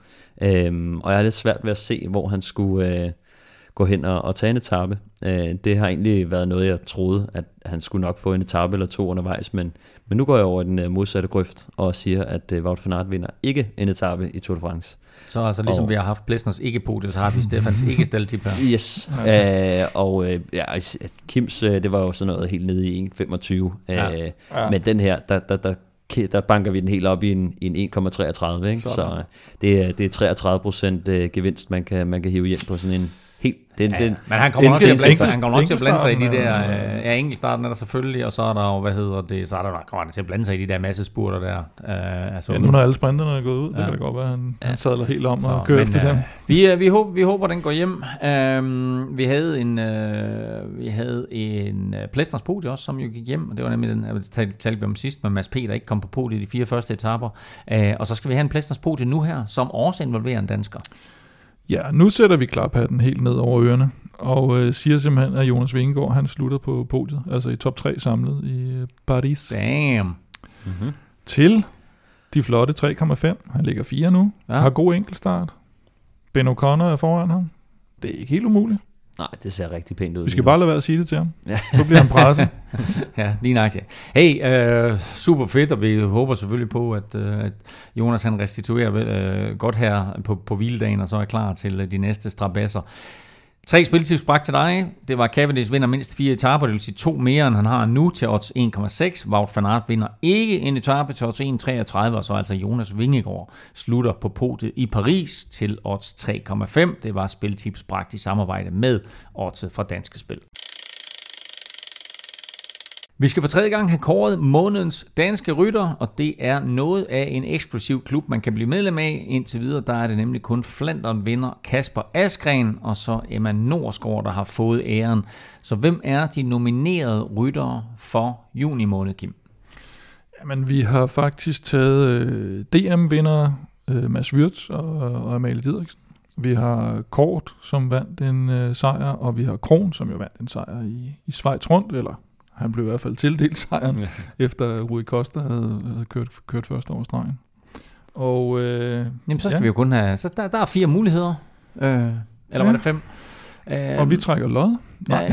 Ja, en, to, tre, fire. Der var fem muligheder, ja. Så hvem bliver månedens dansker for juni måned? Altså vil Europas månedens dansker for juni måned? Ja, men det bliver Mads Wirtz. Mads Wirtz Det bliver DM-trøjen, Dannebrogs-trøjen der, som, øh, som skulle have været med til Tour de France. Efter vores mening. Helt sikkert. Og, øh, og når man ser, hvordan de har kørt dernede, så, så kunne de godt have brugt en, øh, en Dannebrogstrøje dernede, synes jeg. Og så, mm. og så også, jeg tror måske, måske spiller det også lidt ind, det her med, man, man, man fornemmer eller føler nærmest, hvor, hvor stor betydning den har for, for Mads, og, og et godt vedløb, de fik kørt derovre trods alt. Ikke? Og det er et, et godt vedløb. De alle sammen kørt uh, trods alt en, en stribe af, de, af verdens bedste ryttere med. Jeg vil også sige, Kron, øh, Kron gjorde jo også sit til, at, øh, at det her udbrud kommer afsted, ikke? og Valgren og Honoré ligger er tæt på at komme op til sidst og så videre, og, og Vandal, der, mm. der overrasker, og Norsgaard, som vi har været inde på, der laver den her opkørsel. Så der var egentlig mange, der var med til at bidrage til, til det. Det er lige før Norsgaard, han faktisk også øh, fortjener at blive nævnt, ikke? bare på den opkørsel, han lavede til ja, DM, lige og, og, og, tager en tredjeplads. Men han, han må nøjes med at se, at øh, hans søster var nomineret, øh, og allerede er i den her eksklusive klub. Den består altså nu af tre ryttere. Vil Europas månedens øh, danske rytter består nu altså af Kasper Askren, Emma Norsgaard og så det sidste indlemmet. Jeg tror faktisk, jeg glemte, glemte at nævne Cecilie for andenpladsen i, øh, hvad hedder den, La Course. Det gjorde du. Det var det, derfor, det, var, det, var derfor, det, var det, var derfor, jeg talte mig frem til fem. Yes. Det er rigtigt, ja. Cecilie blev nummer to i øh, det her franske øh, endagsløb, øh, som, som ligger i forbindelse med Tour de France. Øh, men øh, hun kunne altså heller ikke slå Mads Wirtz. Så øh, Mads Wirtz Schmidt, tillykke. Velkommen i klubben. Du er nu en del af Velropas månedens danske rytterklub. Og nu skal vi så have fundet dagens dansker, eller i hvert fald en vinder i quizzen. Som sagt, det står 2020. Kim, du har serveretten. Spørgsmålet var ret simpelt. I fik faktisk valget mellem to spørgsmål, mm-hmm. men det mhm. omhandler uh, Mont Ventoux-etappen der i 2016, hvor Chris Froome jo løb uh, mm-hmm. op af Mont Ventoux på et tidspunkt. Og uh, det danske spørgsmål, som I ikke fik, det var, hvilken dansker blev bedst placeret på etappen? Jamen, jeg kan huske, at Chris Anker blev sat som den første af udbrydergruppen. Jeg er ikke sikker på, om han var den, øh, den bedst placerede dansker. Det ville være det naturlige svar i hvert fald. Og det andet naturlige svar ville nok være sådan noget fuglsang. Ja. Men det rigtige svar er Chris Anker Sørensen. Han blev faktisk mm. nummer 9 på etappen, så vidt jeg husker. Nå, okay. Så var det Men så langt, øh, spørgsmålet, ja. som I valgte, var det internationale spørgsmål, nemlig ja. hvem vandt den der Mont Ventoux-etappe i 2016? Kim, du har serveretten. Vil du svare først, eller vil du Stefan svare? Jeg tager den først. Jeg, ja. har, jeg har faktisk et navn, som jeg, ja. som jeg tror, det er. Og hvis ja. ikke jeg, det er det, så har jeg ikke flere bud. Nej. Jeg tror, det var Thomas de Gent. Det er et godt bud. Stefan? Øh, jeg tror også, det er Thomas de Gent. det er også et godt bud. Jeg tager jeg gerne lige et halvt point på den. Øh, ja, ja. Så I kan Nå. det. ja, men prøv at I, I skarpe begge to, fordi det var nemlig lige nøjagtigt Thomas de Gent, som uh, kørte først over stregen, men det blev jo lidt glemt i den her sammenhæng med uh, det uh, absurde teater med Froome ja, var, og Bauke Mollema. Jamen, jeg var mest uh, sur over det med Bauke selvfølgelig, fordi han havde jo mm. faktisk fortjent at vinde noget tid, og, og, og og sådan uden pest, der, der lå han jo sammen med Port og Froome ja. og var den bedste bjergrytter på det tidspunkt, og, og, og kommer så fri af det der hurtigere, og sådan er det jo. Altså han, øh, han, vinder, han vinder omkring halvandet minut på Froome. Og ja, så... Ja, så, så neutraliserer de den tid ja. bagefter, ikke? og det, det burde de jo ikke, så kan man sige, ja, det er så exceptionelt selvfølgelig, så, så fint nok, men derfor kan man godt være ked af det. Præcis, men uh, et point til Kim Plesner, der dermed bringer sig foran 21-20. Stefan, se på den lysside. Du har serveretten næste gang vi er tilbage. Og det er allerede på torsdag med øh, det store overblik efter rytterne. De har været to gange op over Mont Ventoux, og så inden det for alvor går løs i Pyrenæerne. Du kan følge Velropa og Kim på Facebook, Twitter og Instagram. Øh, det sker på Snablag Velropa. Stefan finder du på Twitter på Snablag Stefan Djurhus. Undertegnet finder du på Twitter, Insta og Face på Snablag NF Elming. Tak for nu. Tak fordi du lyttede med. Tak til dig, der støtter på tier.dk og naturligvis vores partner Hello Fresh og Orte for Danske Spil. Støt dem. De støtter os. Kom så Danmark.